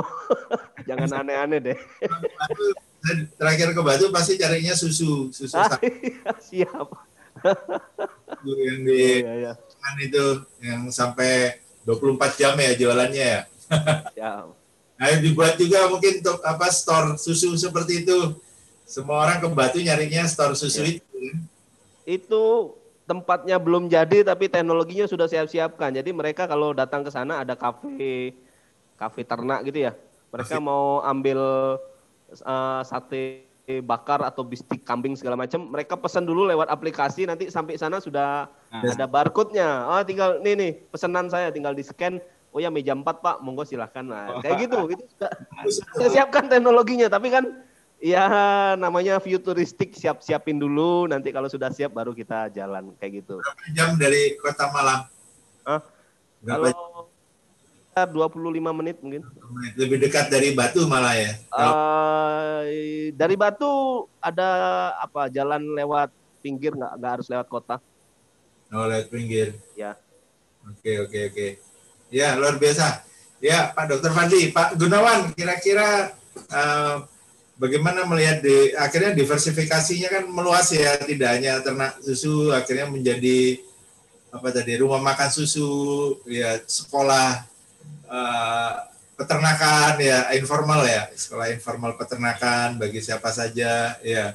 Mungkin anak-anak juga bisa diajak orang tuanya bagaimana sih cara meras susu ya. Kemudian bagaimana minum susu di desa ya uh, sebetulnya kan uh, bisa meluas ya Pak, Pak Gunawan ya pada saat kita bisa membawa ide-ide uh, inovasi segar inovasi ide-ide segar seperti tadi akhirnya kan masyarakat desa uh, terbuka pandangannya dan uh, dibantu oleh teknologi tadi ya sebetulnya kan uh, potensinya semakin besar ya apalagi desanya tidak jauh dari Malang juga ya. ya tadi yang jauh sekali digambarkan Pak Arya aja datang orang kan ya apalagi desanya dekat Malang kan de Surabaya dan Malang kan sudah jadi pasar mungkin ya bagaimana Pak Gunawan? Iya jadi uh menarik sekali yang tadi disampaikan Pak Fadli, tapi memang yang seperti saya sampaikan tadi Pak Ar Arvin, bahwa penyiapan eh, SDM-nya gitu ya. Jadi tadi Pak Fadli sudah menyiapkan programnya, pesan, tapi SDM-nya nggak mampu nih ternyata gitu ya. Sudah di barcode, sudah pesan, belum jadi karena nggak nggak ada kemampuan di ini kan orangnya kecewa juga gitu ya. Bagaimana memastikan bahwa uh, konsumen tadi gitu ya, kalau dia masuk ke karena yang ngelola tidak mungkin orang luar lagi, tetap harapannya bahwa orang desa lah, orang wakil lah misalnya yang yeah. dilatih, yang punya kapasitas, punya kemampuan untuk uh, menggunakan teknologi inovasi tadi yang tepat guna, yang bisa mensupport kira-kira perkembangan ke depan. Karena memang kalau kita lihat, uh, kalau kita bisa mengolah turunan dari produk awal, itu akan memperoleh uh, banyak value added ya, nilai tambah akan lebih banyak. Dan kalau nilai tambah ini bisa ditahan di desa, maka kemakmuran desa akan otomatis ya akan terjadi. Karena kalau itu lari lagi ke kota gitu ya, pasti akan dampaknya tetap bagi masyarakat perkotaan dan orang tetap akan kembali ke, ke kota. Tapi kalau misalnya tadi bisa dilakukan di desa, itu maka akan mendukung uh, sustainabilitas tadi yang juga sudah saya sampaikan juga bagaimana desa ini tetap uh, menarik bagi generasi muda di masa depan gitu. Jadi orang anda usahlah ke kota gitu. Jadi kalau misalnya tadi tapi memang nggak bisa juga yang tadi disampaikan Pak Arya juga banyak terjadi. Contohnya saya sendiri gitu misalnya dari desa kemudian kuliah di kota di Bogor akhirnya nggak balik ke desa gitu ya bekerja di uh, daerah lain. Nah ini kan juga yang harusnya juga ya, memang nggak bisa dipungkiri juga gitu ya. Nah makanya uh, potensi-potensi yang ada ini uh, bagaimana kita bersinergi, bersinergi gitu ya, uh, bisa sama-sama bisa kita angkat ya. Kemudian nilai tambah hasil pengolahan itu juga bisa dinikmati oleh masyarakat desa. Apalagi kalau kita bicara peternakan kan memang banyak turunannya ya. Kalau tadi ternak sapi itu bisa ada dagingnya, ada susunya, dan itu olahannya banyak. Tapi kalau untuk yang desa-desa yang tidak misalnya gitu ya, yang dia punyanya pertanian. Tadi kalau contohnya belakang Pak Fadli ini mungkin kalau dia hanya punya ini tanpa punya apa eh, peternakan, bisa juga misalnya orang main menanam eh, apa namanya di sawahnya. Karena ini sudah dilakukan di Jogja ya, Peting Sari misalnya kan juga sudah lakukan bagaimana menanam gitu ya. Jadi orang yang saya pernah nanya mahasiswa itu ada juga Pak Arvin yang belum tahu pohon padi gitu ya direct yeah. yang lihat dengan mata kepala itu ada juga mahasiswa yang belum pernah lihat gitu ya. Iya. Yeah. Makanya ini kan perlu apa namanya perlu di kalau mereka selama ini mungkin di kota gitu ya, atau ke Batu kalau Batu itu kan memang banyak wisata buatan ya mungkin ya selain ke Batu mereka beloklah ke Wagir misalnya itu salah satu contoh dan kalau Wagir punya potensi seperti ini kan orang bisa menginap yeah. bisa jadi penduduk di situ bisa memperoleh pendapatan dari tadi yang disampaikan Pak Arya penyediaan makanannya, penginapannya gitu ya. Dan ini bisa menambah pendapatan bagi masyarakat desa. Dan ini memang menjadi sebuah keharusan kita bersama ya bagaimana kita bisa mensupport, bagaimana kita bisa mendorong uh, ayo maju bersama gitu ya bagi desa dan juga uh, perkotaan gitu ya. Jadi di, kami juga ada kuliah integrasi desa kota itu bagaimana caranya. Nah ini kita uh, juga sama-sama mengidentifikasi bagaimana gitu sebaiknya supaya tadi Pak Pak Arya juga mengatakan kemitraan ya, kemitraan ini bisa dibangun sehingga namanya mitra kan e, berdiri sama sejajar gitu ya, sehingga masing-masing potensi yang dimiliki e, bisa dioptimalkan. E, saya kira itu, Mas Arvin. Ya, ya, terima kasih Pak Gunawan, Pak Arya. Jadi melihat model kemitraan Pak Dr. Fadli ini kan sebetulnya uh, de desa sendiri kan seperti kita ketahui kan bergotong royongnya kan masih apa ya tradisi bergotong royongnya itu uh, masih lebih kuat dari kota ya.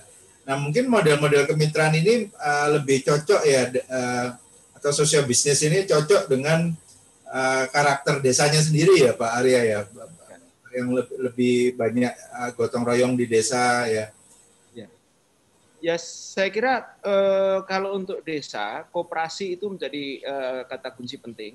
Dan kooperasi kemudian tadi ditingkatkan pada korporatisasi petani ya. Nah, ini eh, one step after kooperasi memang. Ya, artinya petani memiliki saham di perusahaan yang perusahaannya itu juga milik kolektif gitu ya. Ini kan yang mau dikembangkan pemerintah di eh, Kalimantan Tengah juga korporatisasi petani itu ya. Jadi artinya Eh, bukan swasta-swasta besar yang punya perusahaan ditanam di desa, tapi petani itu sendiri yang memiliki eh, perusahaan itu ya. Jadi eh, apa namanya menjadi sebuah kekuatan dari dalam.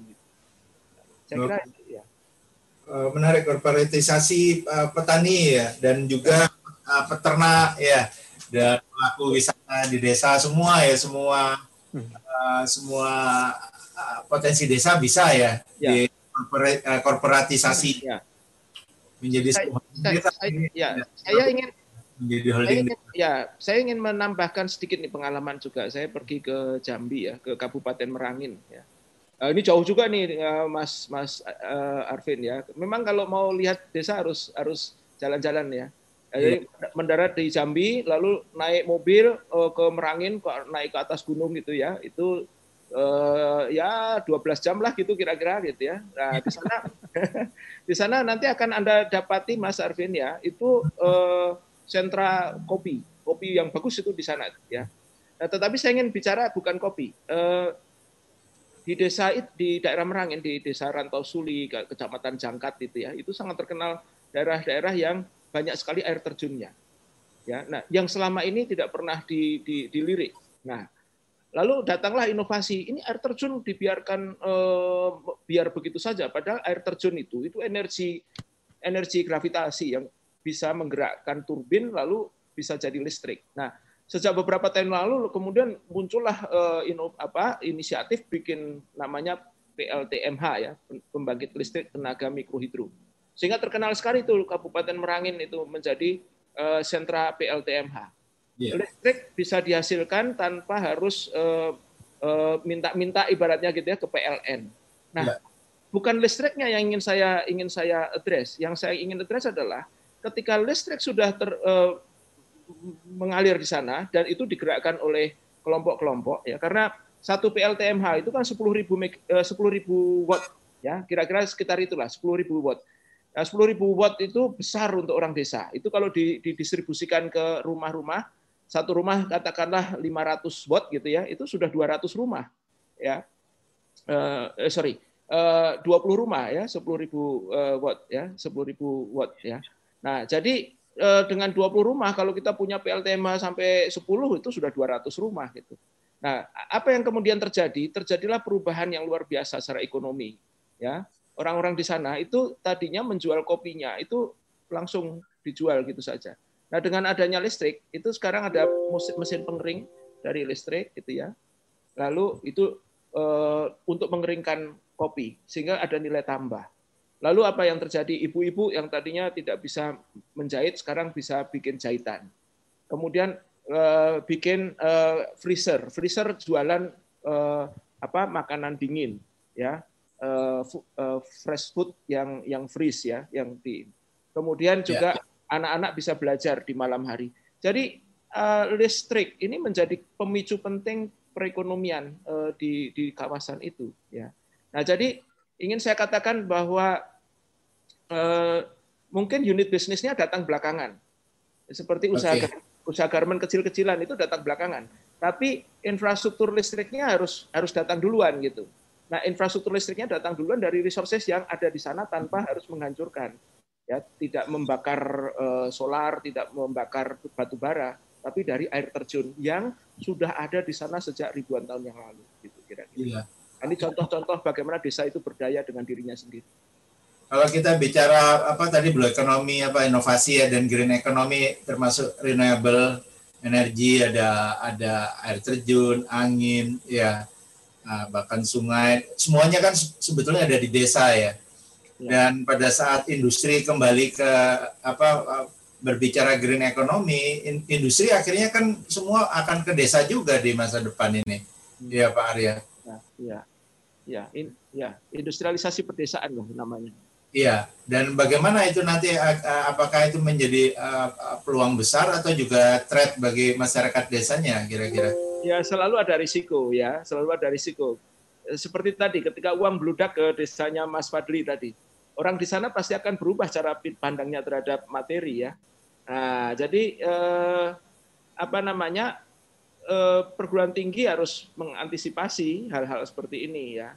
Tentu kita tidak bisa lagi eh, berpikir romantis bahwa desa hari ini itu sama seperti desa di zaman eh, kakeknya Mas Irfan ya, Mas Arvin tahun tahun-tahun 50-an, tahun 30-an ya di mana orang ngobrol bersama pakai kain sarung, kemudian melihat ayam jagonya berkeliaran, pakai apa ada manuk cucak rawa yang di hari ini nggak ada lagi yang kayak begitu. Desa sekarang sibuk sekali, semua orang pegang HP, ya uh, diskusi di WA group, uh, posting di Facebook dan Instagram, gitu ya. Nah, jadi uh, modal sosial kita bergeser, pasti itu modal sosial kita bergeser. Jadi kalau kita ya beranggapan desa kita tetap seperti yang masa lalu agak agak agak repot. Ya kita harus mengikuti perubahan ini, Mas. Zaman ya. Jadi uh, walaupun memberikan banyak vokasi kepada masyarakat desa, penting juga tetap uh, pendidikan karakter artinya ya masyarakat desanya supaya siap dengan uh, globalisasi masuk desa. Ya, uh, tidak uh, kerabat desa Budiman tidak terasa waktu hampir dua jam. Ini saya baru melihat waktunya ngobrolnya seru soalnya. Nah, sebelum kita closing acara ya kita ingin mendengar uh, uh, pesan uh, pesan-pesan terlebih dahulu bagaimana pesan-pesan hari ini selain sharing knowledge juga pesan-pesan yang menyemangati masyarakat desa dan juga kerabat desa serta rakyat Indonesia ya pesan-pesan untuk uh, desa masa depan di Indonesia dan masyarakat desanya. Silakan dari uh, Pak Gunawan dulu mungkin memberikan pesan-pesan kepada uh, didengar juga oleh kerabat desa. Silakan. Baik, uh, terima kasih Pak Arvin, uh, uh, kerabat desa se-Indonesia. Uh, terima kasih kesempatannya pad pada siang hari ini kita bincang-bincang uh, hal menarik. Jadi ya. kalau kami tetap semangat gitu ya, jadi bahwa potensi desa tetap ada dan tadi kita sudah bela banyak belajar uh, best practice dari beberapa pengalaman desa. Dan ini yakinlah bahwa kita bisa maju bersama gitu ya. Kita siap support. Kalau kami dari perguruan tinggi uh, siap support. Kalau misalnya ada mitra misalnya yang ingin uh, apa namanya yeah. Uh, bantuan apa kita bisa uh, support. Nanti kita bisa bicarakan karena kebetulan saya juga ada di Badan Penelitian Pengabdian Masyarakatnya Fakultas Teknik dan kita biasa punya mitra juga dari uh, beragam desa uh, yeah. dan ini kita siap bantu gitu biasanya jadi yeah. yakin bahwa kita punya potensi dan kita bisa maju bersama mungkin itu aja Mas Arvin. Terima kasih Pak Gunawan, Pak Dr. Gunawan Praitno, Wah, luar biasa ya sembang, uh, sembang sarannya dan berbagi pengetahuan hari ini. Pak Dr. Uh, Fadli Usman, uh, silakan berbagi saya uh, berbagi kepada kerabat desa. Oke, terima kasih kesempatannya. Kalau saya sendiri terus terang, saya yakin tiap-tiap desa punya potensi yang berbeda-beda. Saya saya awal sekali tertarik sama desa ini saat saya pergi ke Raja Ampat. Mereka punya potensi yang luar biasa dari pariwisata saja titik. Padahal dari perikanannya, dari uh, produk uh, ikan, uh, produk lautan itu seperti tidak tersentuh. Nah, akhirnya saya mulai, saya, saya sempat membuat produk di sana yang namanya online, uh, lelang online untuk hasil tangkap ikan, sehingga uh, mereka hasil habis nangkap mereka nggak diterkam sama tengkulak, mereka langsung online melakukan pelelangan di tengah laut. Nah, siapa yang beli? Yang beli ya yang nunggu uh, di cold storage cold storage yang ada di Sorong. Jadi oh. saat mereka merapat itu sudah jelas ini punya siapa, punya siapa, punya siapa. Tengkulak sudah tidak bisa senggol lagi. Jadi teknologi ini betul-betul bisa membantu setiap jengkal yang ada di muka bumi ini kita bisa pikirkan mesti ada teknologi yang bisa mensederhanakan pekerjaan mereka. Dan bukan hanya Raja Ampat, bukan hanya Wagir. Saya yakin seluruh Indonesia dari Sabang sampai Merauke punya potensi yang berbeda-beda yang bisa kita tingkatkan kapasitasnya dengan bantuan teknologi. Mari kita bersinergi bersama. Terima kasih. Terima kasih luar biasa Pak Dr. Fadli. Ya, terima kasih uh, tadi juga bicara Sorong saya saya udah mungkin udah 20 tahun yang lalu pernah ke sana ya. Terus saya melihat eh, teman-teman uh, itu apa uh, menunggu kapal yang sudah berbulan-bulan melaut di pelabuhan tiap subuh ya ternyata sudah pesan ikan-ikan, ikan-ikan. Kapalnya sih penangkap udang, kapal dari uh, luar negeri Jepang, tetapi ikannya biasanya dibuang tapi disuruh jangan dibuang. Terus diambil dikirim ke Surabaya waktu itu. Ya mungkin itu bisa dipetakan juga kan. Ya uh, oleh oleh ini oleh apa kapal yang dari tengah laut tadi ya terima kasih ini uh, pengalaman aja melihat Sorong ya terima kasih Pak Dr. Fadlizman ya silakan Pak Arya Pak Dr. Arya yes terima kasih kerabat desa. Saya kira saya pendek saja bahwa eh, melihat desa itu adalah kalau ibarat orang orang orang barat mengatakan uh, we have to change the way we look ya. Jadi kita harus mengubah bagaimana cara kita memandang. Yeah. Jadi kadang-kadang kita memandang sesuatu yang tidak berguna di desa, tetapi sesungguhnya itu masih bermanfaat dan bisa berguna dan justru menjadi potensi. Seperti tadi kotoran sapi, kemudian air terjun yang tidak uh, diindahkan, kemudian apa namanya hal-hal lain lah ya. Jadi artinya peluang itu banyak. Dan kami di perguruan tinggi punya komitmen untuk menemani teman-teman di desa untuk berkembang bersama. Terima kasih, salam sukses selalu. Wah, terima kasih Pak Dr. Arya semangatnya kepada kerabat desa dan pemirsa uh, seluruh masyarakat Indonesia. Uh, kerabat desa yang budiman waktu tidak terasa sudah dua jam ya uh, waktunya kita mengakhiri acara tidak terasa karena serunya berbincang. Kerabat desa yang budiman era transisi global sudah di depan mata. Tentunya kita membutuhkan banyak uh, terobosan dan inovasi supaya kita bisa melakukan transformasi global. Tanpa terobosan dan inovasi, hanyalah transformasi semu atau kembali ke, masa lalu bahkan di bawahnya.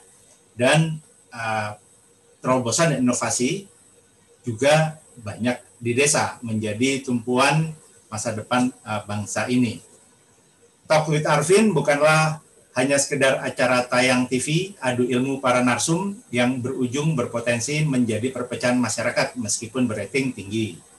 Namun Talk with Arvin adalah sebuah acara tayang TV yang merangkai ilmu para tokoh narsum-narsum hebat di negeri ini menjadi solusi dan berbagi pengetahuan bijak bagi para yang menontonnya. Abadi sampai tayang kapan pun terus bermanfaat bagi masyarakat. Merajut pengetahuan dan budaya bangsa. Sampai jumpa di Talk with Arvin edisi minggu depan. Terima kasih semua para nasum dan para kerabat desa yang budiman. Wassalamualaikum warahmatullahi wabarakatuh. Waalaikumsalam. Salam salam sejahtera, salam kebajikan, namo budaya. Mari pamit.